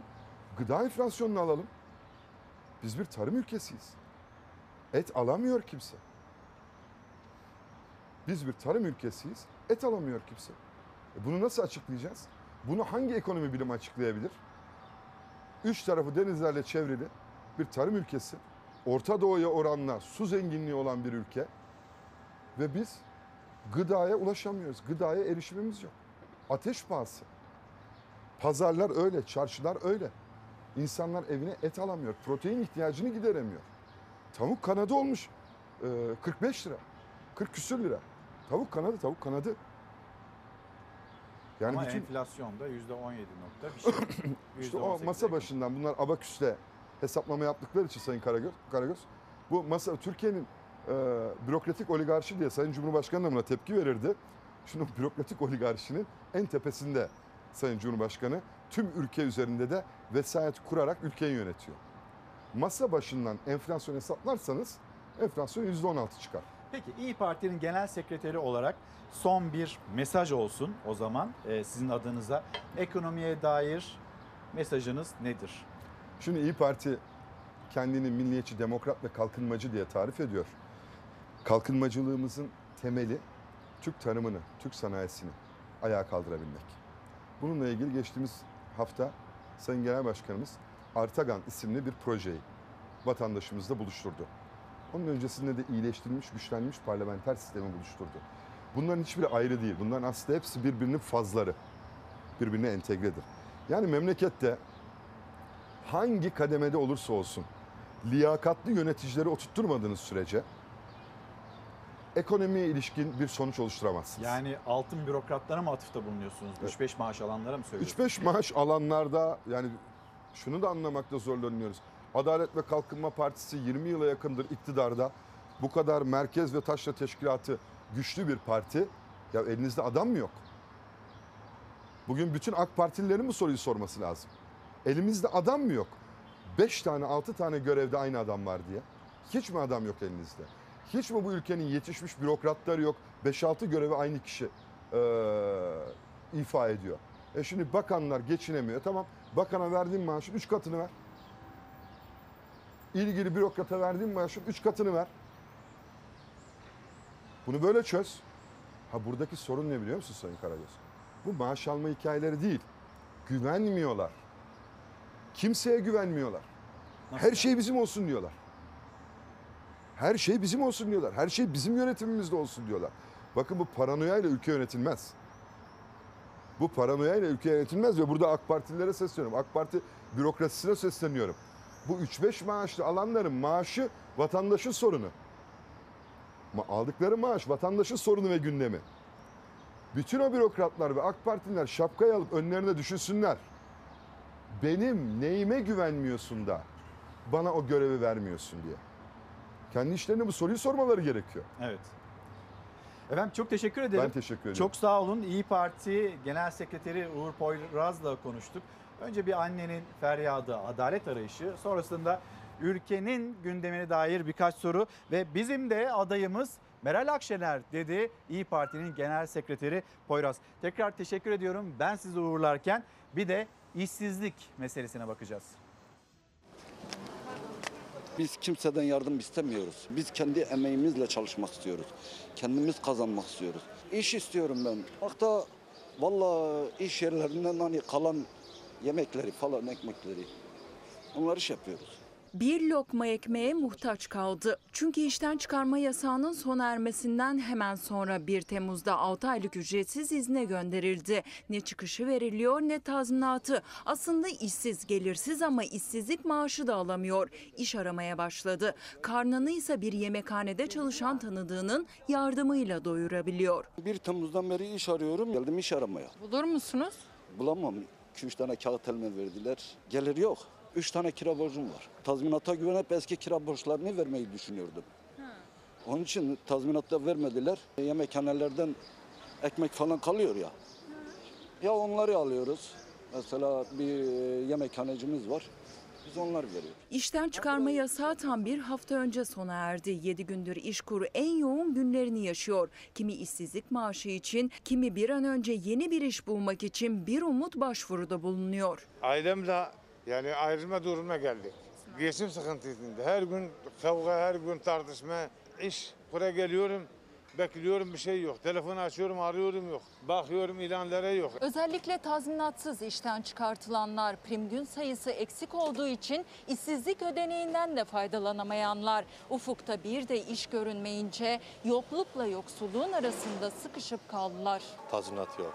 İşsizlik maaşı sigortalarımız tam olarak yatmadığı için 600 gün doldurmak lazım. Ondan dolayı işsizlik maaşına başvuru yapamıyoruz. Şu an gelirsiz kaldım. Benim iki tane çocuğum var. İkisi de ufak. Kiracıyım.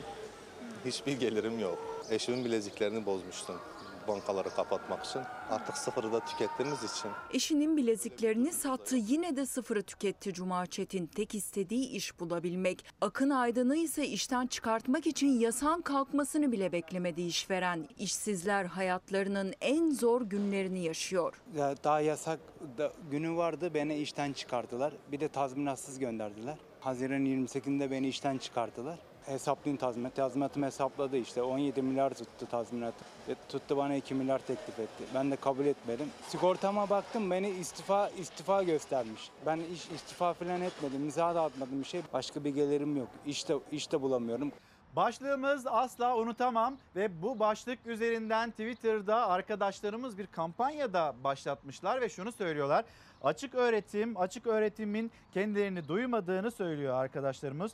Ve artık böyle hani öğrenciler yüz yüze o sınavların olmasını istemiyor, online olmasını istiyor. Çağrılarının duyulmadığını söylüyorlar ve biz de bunu asla unutmayacağız mesajını paylaşıyorlar. Tarık Yalçın günaydınlar, selamlarımızı iletelim. Siz nereden günaydın diyorsunuz? Memleketin neresindesiniz? Asla unutamam dediğiniz ne varsa lütfen yazın gönderin. Murat Yücekaya da hem bizi hem de Türkiye'nin gündemini takibe almış selamlarımızı iletelim. Şimdi bir Adıyaman'a gideceğiz. Türkiye Büyük Millet Meclisi şimdi Adıyaman tütünü ile ilgili bir yetki belgesi tartışması var. İşte o yetki belgesini almayan ama o, o tütünü üreten, satan hapis cezası e, gelecek. Burada bir tartışma devam ediyor. Adıyamanlı üreticiler, tütüncüler yolu kapattılar, seslerini duyurmaya çalışıyorlar. Mecliste dün bu konu konuşuldu. Ve mecliste biz sana ne Adıyaman'ın tütününden sen Malatyalı değil misin diyen bir açıklamayı da Türkiye işitmiş oldu.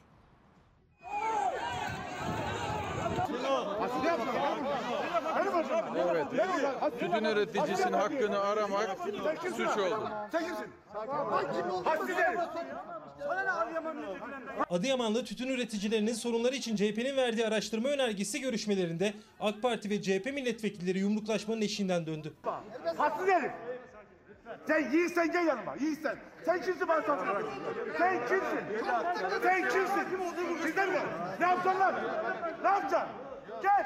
Tarım ve Orman Bakanlığı'ndan yetki belgesi almadan veya bildirimde bulunmadan yapılan tütün ticareti yasaklandı. Düzenlemeye karşı çıkan tütün üreticileri Adıyaman Kahta yolunu trafiğe kapatarak eylem yaparken CHP de meclise bir araştırma önergesi verdi. Şu anda 2020 yılı ürünü depoda duruyor. İnsanlar bunu nasıl satacak? 3 yıl hapis getirmişsiniz. Bu nasıl bir vicdan? CHP Adıyaman Milletvekili Abdurrahman Tutdere tütün üreticilerine yetki belgesi zorunluluğunun büyük mağduriyet yarattığını söyledi. Konuşma süresi bitmesine rağmen kürsüden inmedi. Meclis Başkan Vekili ara verdi ama bu kez AK Parti ve CHP sıralarında gerilim yükseldi. Perişan ettiniz. Filip amcanın yanında. Abu Zerdane'nin yanında ol. Abu Zerdane'nin şovmen sensin. Konuşma. Asil konuşma. Sakin ol. Asil ne yapıyorsun? Benim hocam. Evet. Benim hocam. Asil. Sana ne Adıyaman milletvekilinden? Sana ne? Sana ne? Sana ne? Adıyaman milletvekilinden. Sen sen Malatya'dan tuttun yok mu? Niye yapıyorsun? Konuşma. Konuşma. Ne yapacaksın lan? Ne yapacaksın? Gel. Asil herif. Asil'e bak. Bana saldırıyor. Bana vuracakmış. Gel. Terbiyesiz. CHP'nin tütün üreticilerinin sorunları ile ilgili verdiği önerge bu gerilim arasında AK Parti oylarıyla reddedildi. Bir izleyicimiz hemen isminizi de görmeye çalışacağım ama hani isminizi yazmamışsınız bir rumuzla e, sosyal medyadasınız Instagram'da diyor ki filyasyonda çalışan TYP'li personellerin yani toplum yararında çalışan personellerin işine son veriliyor. Bunu da söyler misiniz bizimle paylaştığı haber. Nilgün Hanım günaydın asla unutamam diyor ki kesilmemek için günlerce Karadeniz'in hırçın ve karanlık sularında can mücadelesi veren Ferdinand'ı asla unutamam. Ee, canım Haluk Levent ona uzattığın eller dert görmesin demiş. Nilgün Hanım da asla bunu unutamam diyor Ferdinand'ın mücadelesi. Şimdi Nilgün Hanım Ferdinand'ı hatırlattı ve hemen bir hayvan hakları yasasına gidelim o zaman. Burada bir takım düzenlemeler var, yeni gelişmeler var, eksikler de var. Onu hatırlatalım. Hayvanın katliam kanunu geliyor.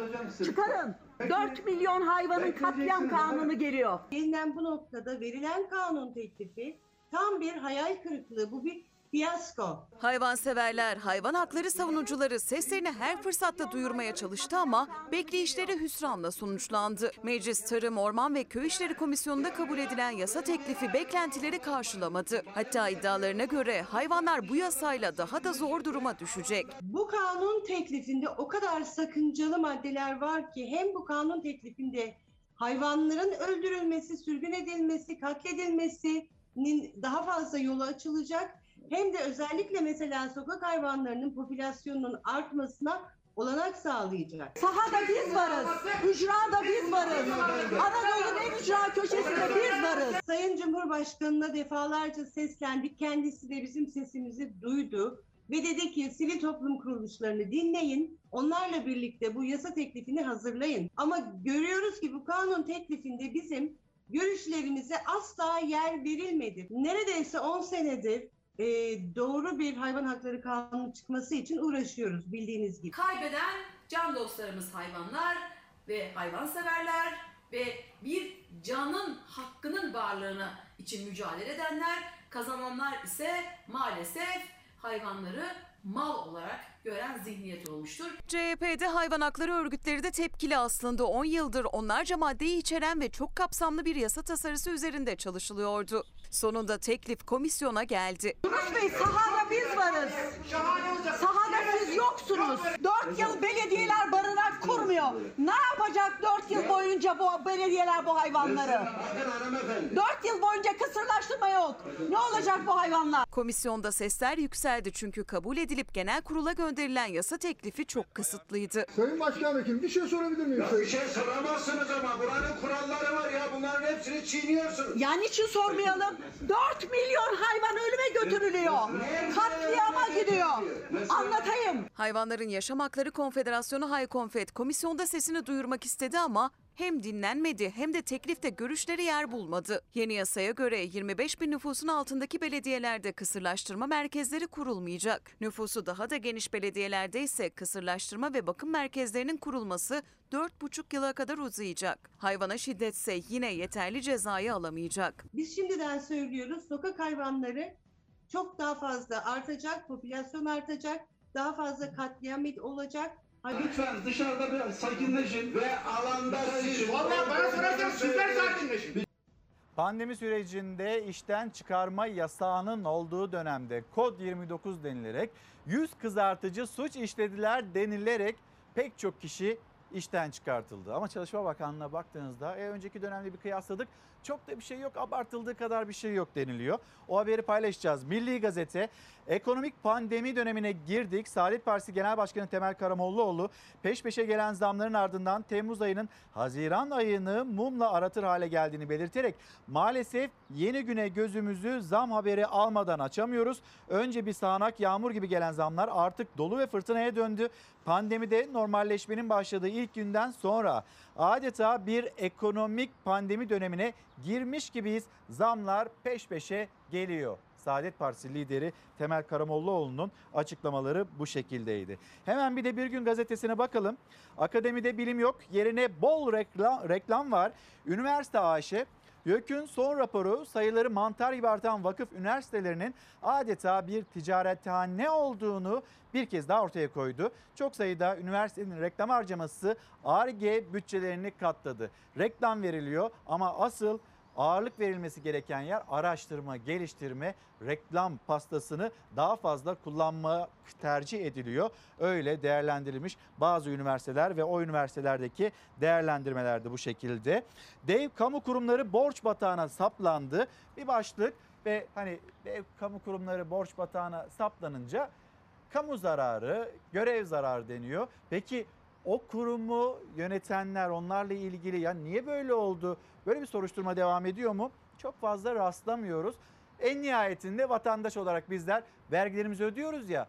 Kamu kurumları zarar etsin biz onların borçlarını zaten vergilerimizle kapatırız. Yalnız şu haber çok önemli.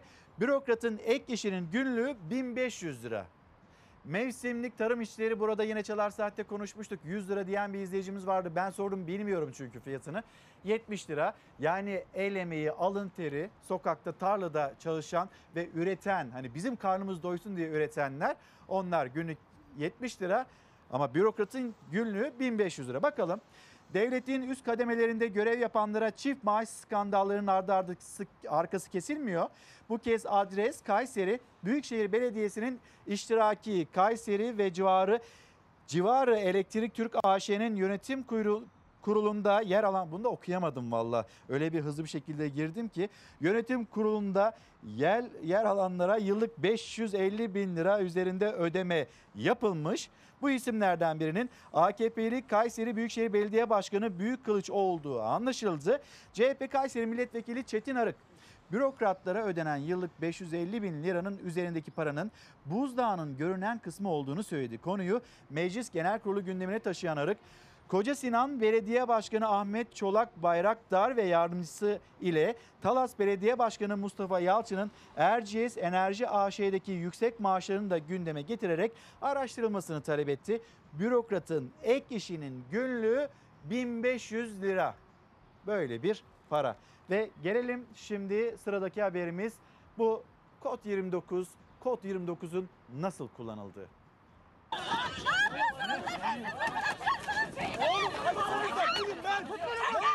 Ortalama olarak e, ayda e, 15 bin kişi, günde e, yaklaşık 500 kişi, e, toplamda da 200 bine yakın insanın kod 29'dan işten çıkartıldığını gördük. Kod 29'dan çıkışları karşılaştırdık. Ee, Bizim Sosyal Güvenlikler Kurumu'ndan aldığımız raporlar aslında bunun bu dönemde abartılı olarak kullanıldığı, kullanılmadığı yönünde.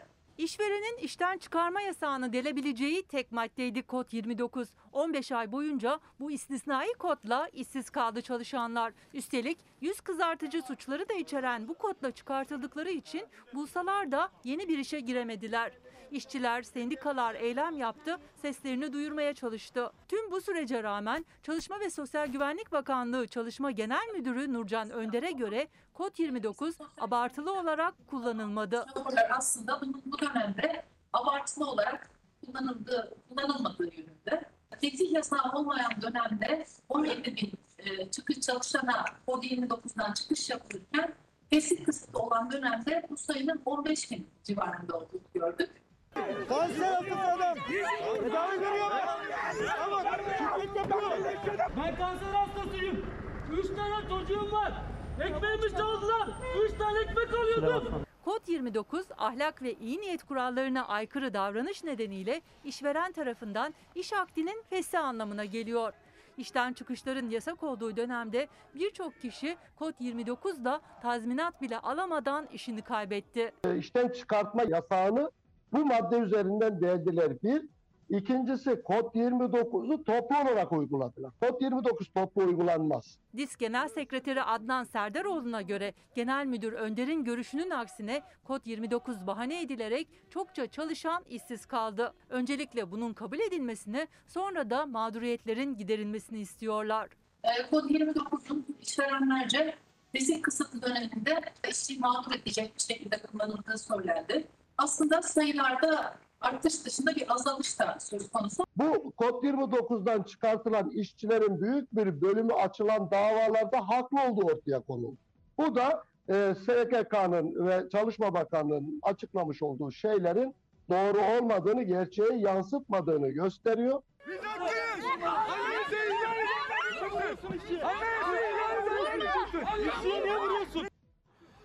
Şimdi okuyacağım mesaja acaba bu ülkenin yöneticileri ne diyecek?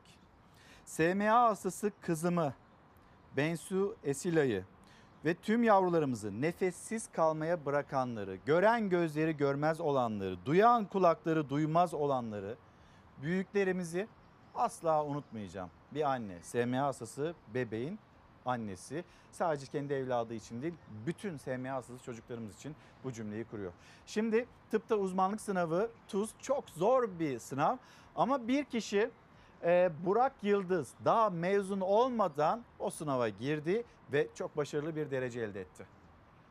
21 Mart'ta yapılan TUS'ta 26. oldum klinik sıralamada. Burak'ı ben her zaman üniversitemizin kütüphanesinde görürdüm. Ne zaman kütüphaneye insem Burak oradadır. Çok mutlu oldum bu habere. Kendini denemek için girdi. Doktor olabilmenin belki de en zorlu adımında henüz tıp fakültesinden mezun olmadan Türkiye 26.sı oldu. Kütüphanede biraz fazla zaman geçiriyordum. TUS e, çok geniş bir sınav e, konu olarak sınavda hiç beklenmedik sorular gelebiliyor. Tıbbı kazanmak daha kolaydı bence. E, TUS bence biraz daha zor. Tıp fakültesinden yeni mezun oldu Burak Yıldız ama gecesini gündüzüne kattı. Bir yandan derslerini, diğer yandan stajını yaparken diğer yandan da tıpta uzmanlık sınavına hazırlandı. Kendini denemek için mezun olmadan sınava girdi. E, Stajlarımın olduğu günlerde derste, derslerim, stajlarım bittikten sonra, öğleden sonra ne kadar vaktim kalırsa onu da dinlenmeye vaktimi ayırdıktan sonra çalışmaya çalışıyordum. Yoğun tempoya rağmen kendini denemek için girdiği sınavda 26. oldu Burak Yıldız. Eylül'de ise asıl sınava girecek. Mesleğine cilt hastalıkları uzmanı olarak devam etmek istiyor.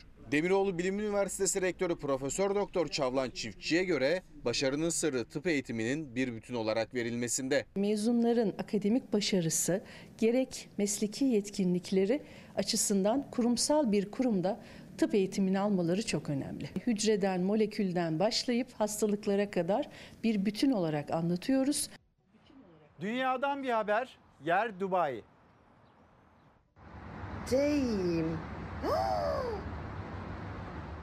Dünyanın gözü Dubai'de Cebel Ali Limanı'nda demirli bir gemide patlama meydana geldi. Dünyanın en büyük limanlarından biri olan Dubai Cebel Ali Limanı'nda demirli bir gemide patlama oldu. Patlama sonrası yangın çıktı. Patlamada ölen ya da yaralanan olmadı ama maddi zarar büyük. Patlamanın nedeni henüz bilinmezken olaya ilişkin soruşturma başlatıldı.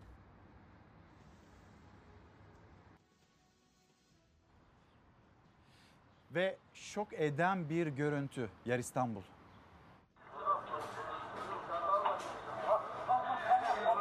Kaldırıma çıkarmaya çalıştığı arabadan bebeğini düşürdü. İstanbul Bahçeli Evler'de bir baba bebek arabasını kaldırıma çıkarmak için geri yatırdı. İçindeki bebeğin emniyet kemeri takılı değildi. Baba arabayı yatırır yatırmaz bebek arabadan kaydı. Yüzüstü yere düştü.